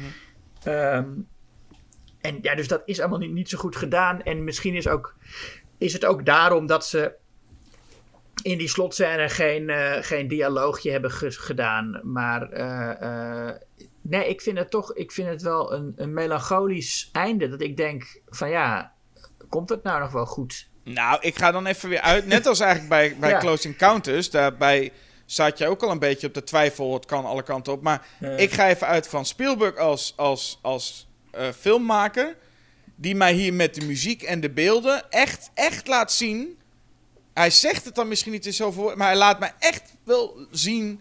Dit is goed, dit is mooi, dit is een happy end. Dat kan je, je kunt hier niet omheen en zeggen: Ja, maar wacht even. Nee, als Morgan Freeman daarna gaat praten, is het echt: Goh, dit gezin. Ik bedoel, het is, we zijn één stap verwijderd dat Miranda Otto en Tom Cruise weer bij elkaar komen. Omdat ze toch wel dichter naar elkaar gegroeid zijn nu. Ook al hebben ze elkaar helemaal niet meegemaakt in deze hele film niet. Maar we zijn één stap verwijderd van eh, eh, eh, Justin Chatwin, die dus Robbie speelt. Die dan nog zo'n hangertje teruggeeft aan Tom Cruise die hij gekregen had in het begin. Zulke dingen, daar zijn we nu net één stapje nog van verwijderd. Maar verder is dit één zoete bedoeling van... jongens, mooi, we kunnen rustig gaan slapen. En dat vind ik heel juist heel jammer van de Spielberg... die het dus aandurft in het begin... en echt de hele- de- de- een groot deel van de film... om een beetje gedurfd te zijn. Ja, Dat hele gedurfde van die rivier met lijken. eh, eh, eh, Tom Cruise onder het stof. dat soort dingen. en, en dat hij Tim Robbins dan omgebracht heeft. Dat, he- dat hele, hele realistische rauwe. Dat is weg hier. Dat, is, dat zit echt niet in deze scène meer. Nou ja, ik weet niet of het onrealistisch is dat je als je net terugkomt van zo'n avontuur eh, je zoon omhelst. Nee, het feit dat die zoon daar is. Het feit dat niemand er verder is. Even gewoon, niemand is er. Alleen die zoon. Die stapt dan echt zo nog, weet je wel, ook weer mooi getimed. Weet je wel, eerst komen die schoonouders, geloof ik. Dan zie je nog even de, de, de moeder. En dan komt ineens uit de deuropening die zoon. Dat is allemaal zo, zo neergezet, zo... Oh, Ja, het is, nou ja. Nou ja, goed. Eh, ik snap heel goed de kritiek wat betreft dit einde. Eh, ik ben er minder boos over dan, ik bedoel, die, dan die aliens met die fiets. Eh, dat maakt me echt woest. Maar de, de rest is, is gewoon... Ik snap echt wel, dit is een wel behoorlijk zoet einde. En ik vind bij Close Encounters dat ook hoor. Ik vind dat die Spielberg te veel neerzet. Het is, het is mooi, het is goed. En dat heeft natuurlijk deels ook met John Williams muziek te maken. Hij laat Ja. echt wel iets zien over... Hij vertelt echt wel hoe je je op dit moment moet voelen. Je moet je echt aan het einde van War of the volgens mij ook goed voelen.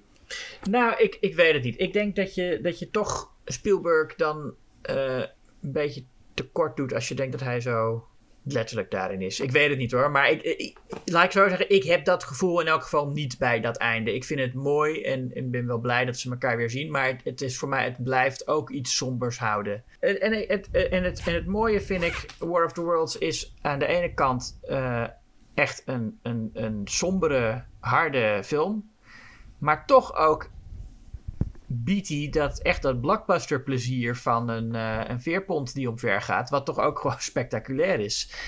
En ik heb eigenlijk normaal gesproken best wel een hekel aan die post 9-11 eh, stijl. Weet je wel? De- Ja goed, je ziet het ook met, met Zack Snyder's Man of Steel en zo. Wat ik een verschrikkelijke film vind. En dat soort dingen.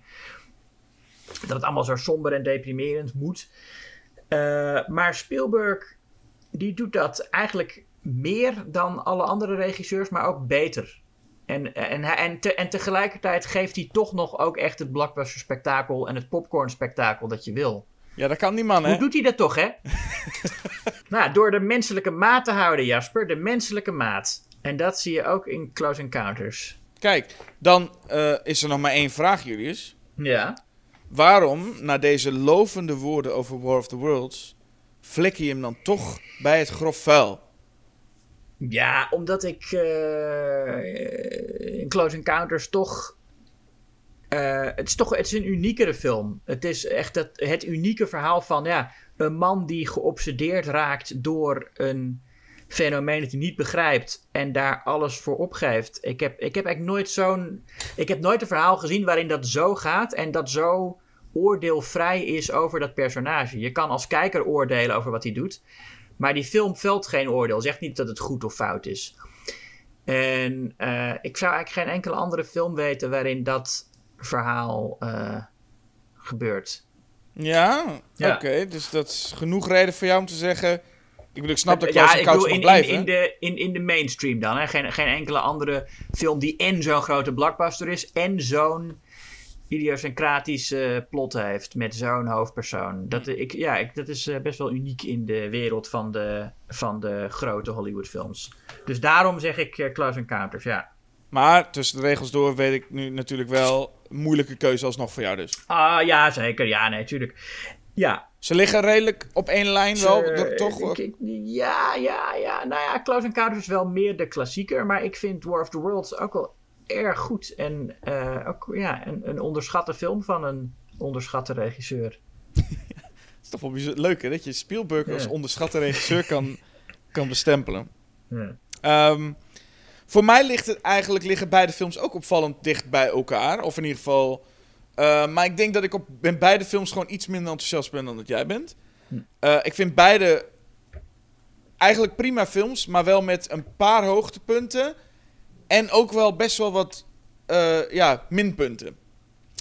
En ik denk dat het grootste ding is eigenlijk bij de hoogtepunten van War of zijn net iets hoger. Ik bedoel, ik weet die scène waarin dat eh, jongetje wordt ontvoerd.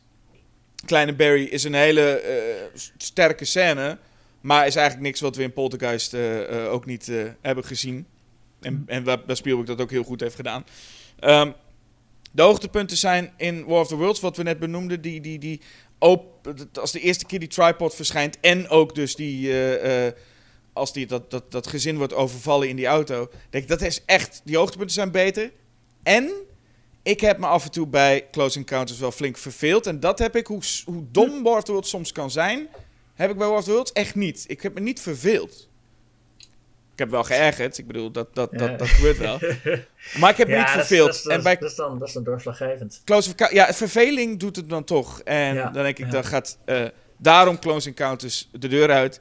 En ja, War of the Worlds... eh, ik, ik, ik ben het ook trouwens met je eens hoor. Ik heb hem ook in de bioscoop gezien. En daar werkt hij vooral heel goed voor. Ik denk dat als hij nog een keer in de bioscoop zou komen...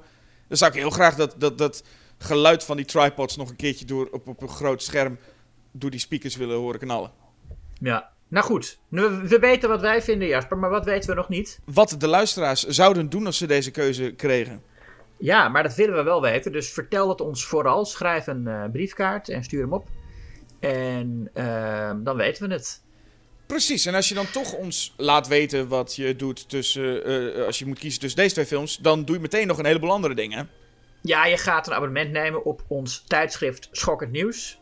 Eh, het papieren blad dat, eh, waarvan het aankomende nummer 7 februari alweer eh, in de winkels ligt. Dus dat is bijna als je deze podcast luistert op de dag dat die uitkomt. Ehm, en je gaat, als je, als je, ah, kijk, als je deze podcast nou zo leuk vindt, vind hem dan eens leuk met een klik. Ja. Ik bedoel, ja, hè, dat je liken heet dat dan. Ehm, dat kun je doen. Je kunt subscriben. Dat betekent een abonnement nemen. Niet alleen op het blad, maar ook op de podcast dus. En, eh, en je kunt eh, eh, onze website bezoeken. schokkendnieuws.nl. Ja, En daar van alles lezen, ja. je kunt gewoon ook even reageren natuurlijk. Hè? Ik bedoel, er is een vast manier om te reageren op deze podcast.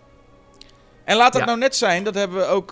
je kunt op verschillende plekken reageren. En dat moeten we ook maar net allemaal net zien. Maar ene Bas heeft bijvoorbeeld gereageerd op Soundcloud, waar je dus ook kan reageren op de podcast. Eh, en wat wil nou toeval? Hij had een, eh, een, een, een, een aanrader voor een mogelijke volvolgaflevering. En laat dat nou net iets zijn wat we de volgende keer gaan doen. Oh, ja. Is toch ook leuk? Ja, dat is, maar en wa- wat dan? Nou, deze Bas kwam met het leuke idee. Die zei: vergelijk eens What We Do with the Shadows. In, the shadow, what we do in the shadows. In the Shadows, ja.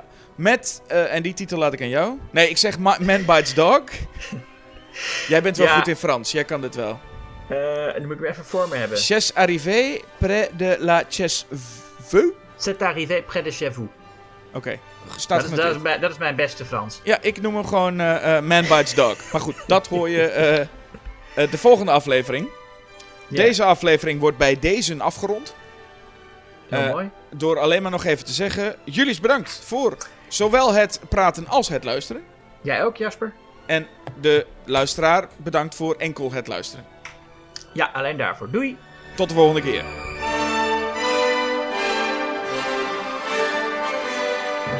From the moment the invaders arrived, breathed our air, ate, and drank, they were doomed.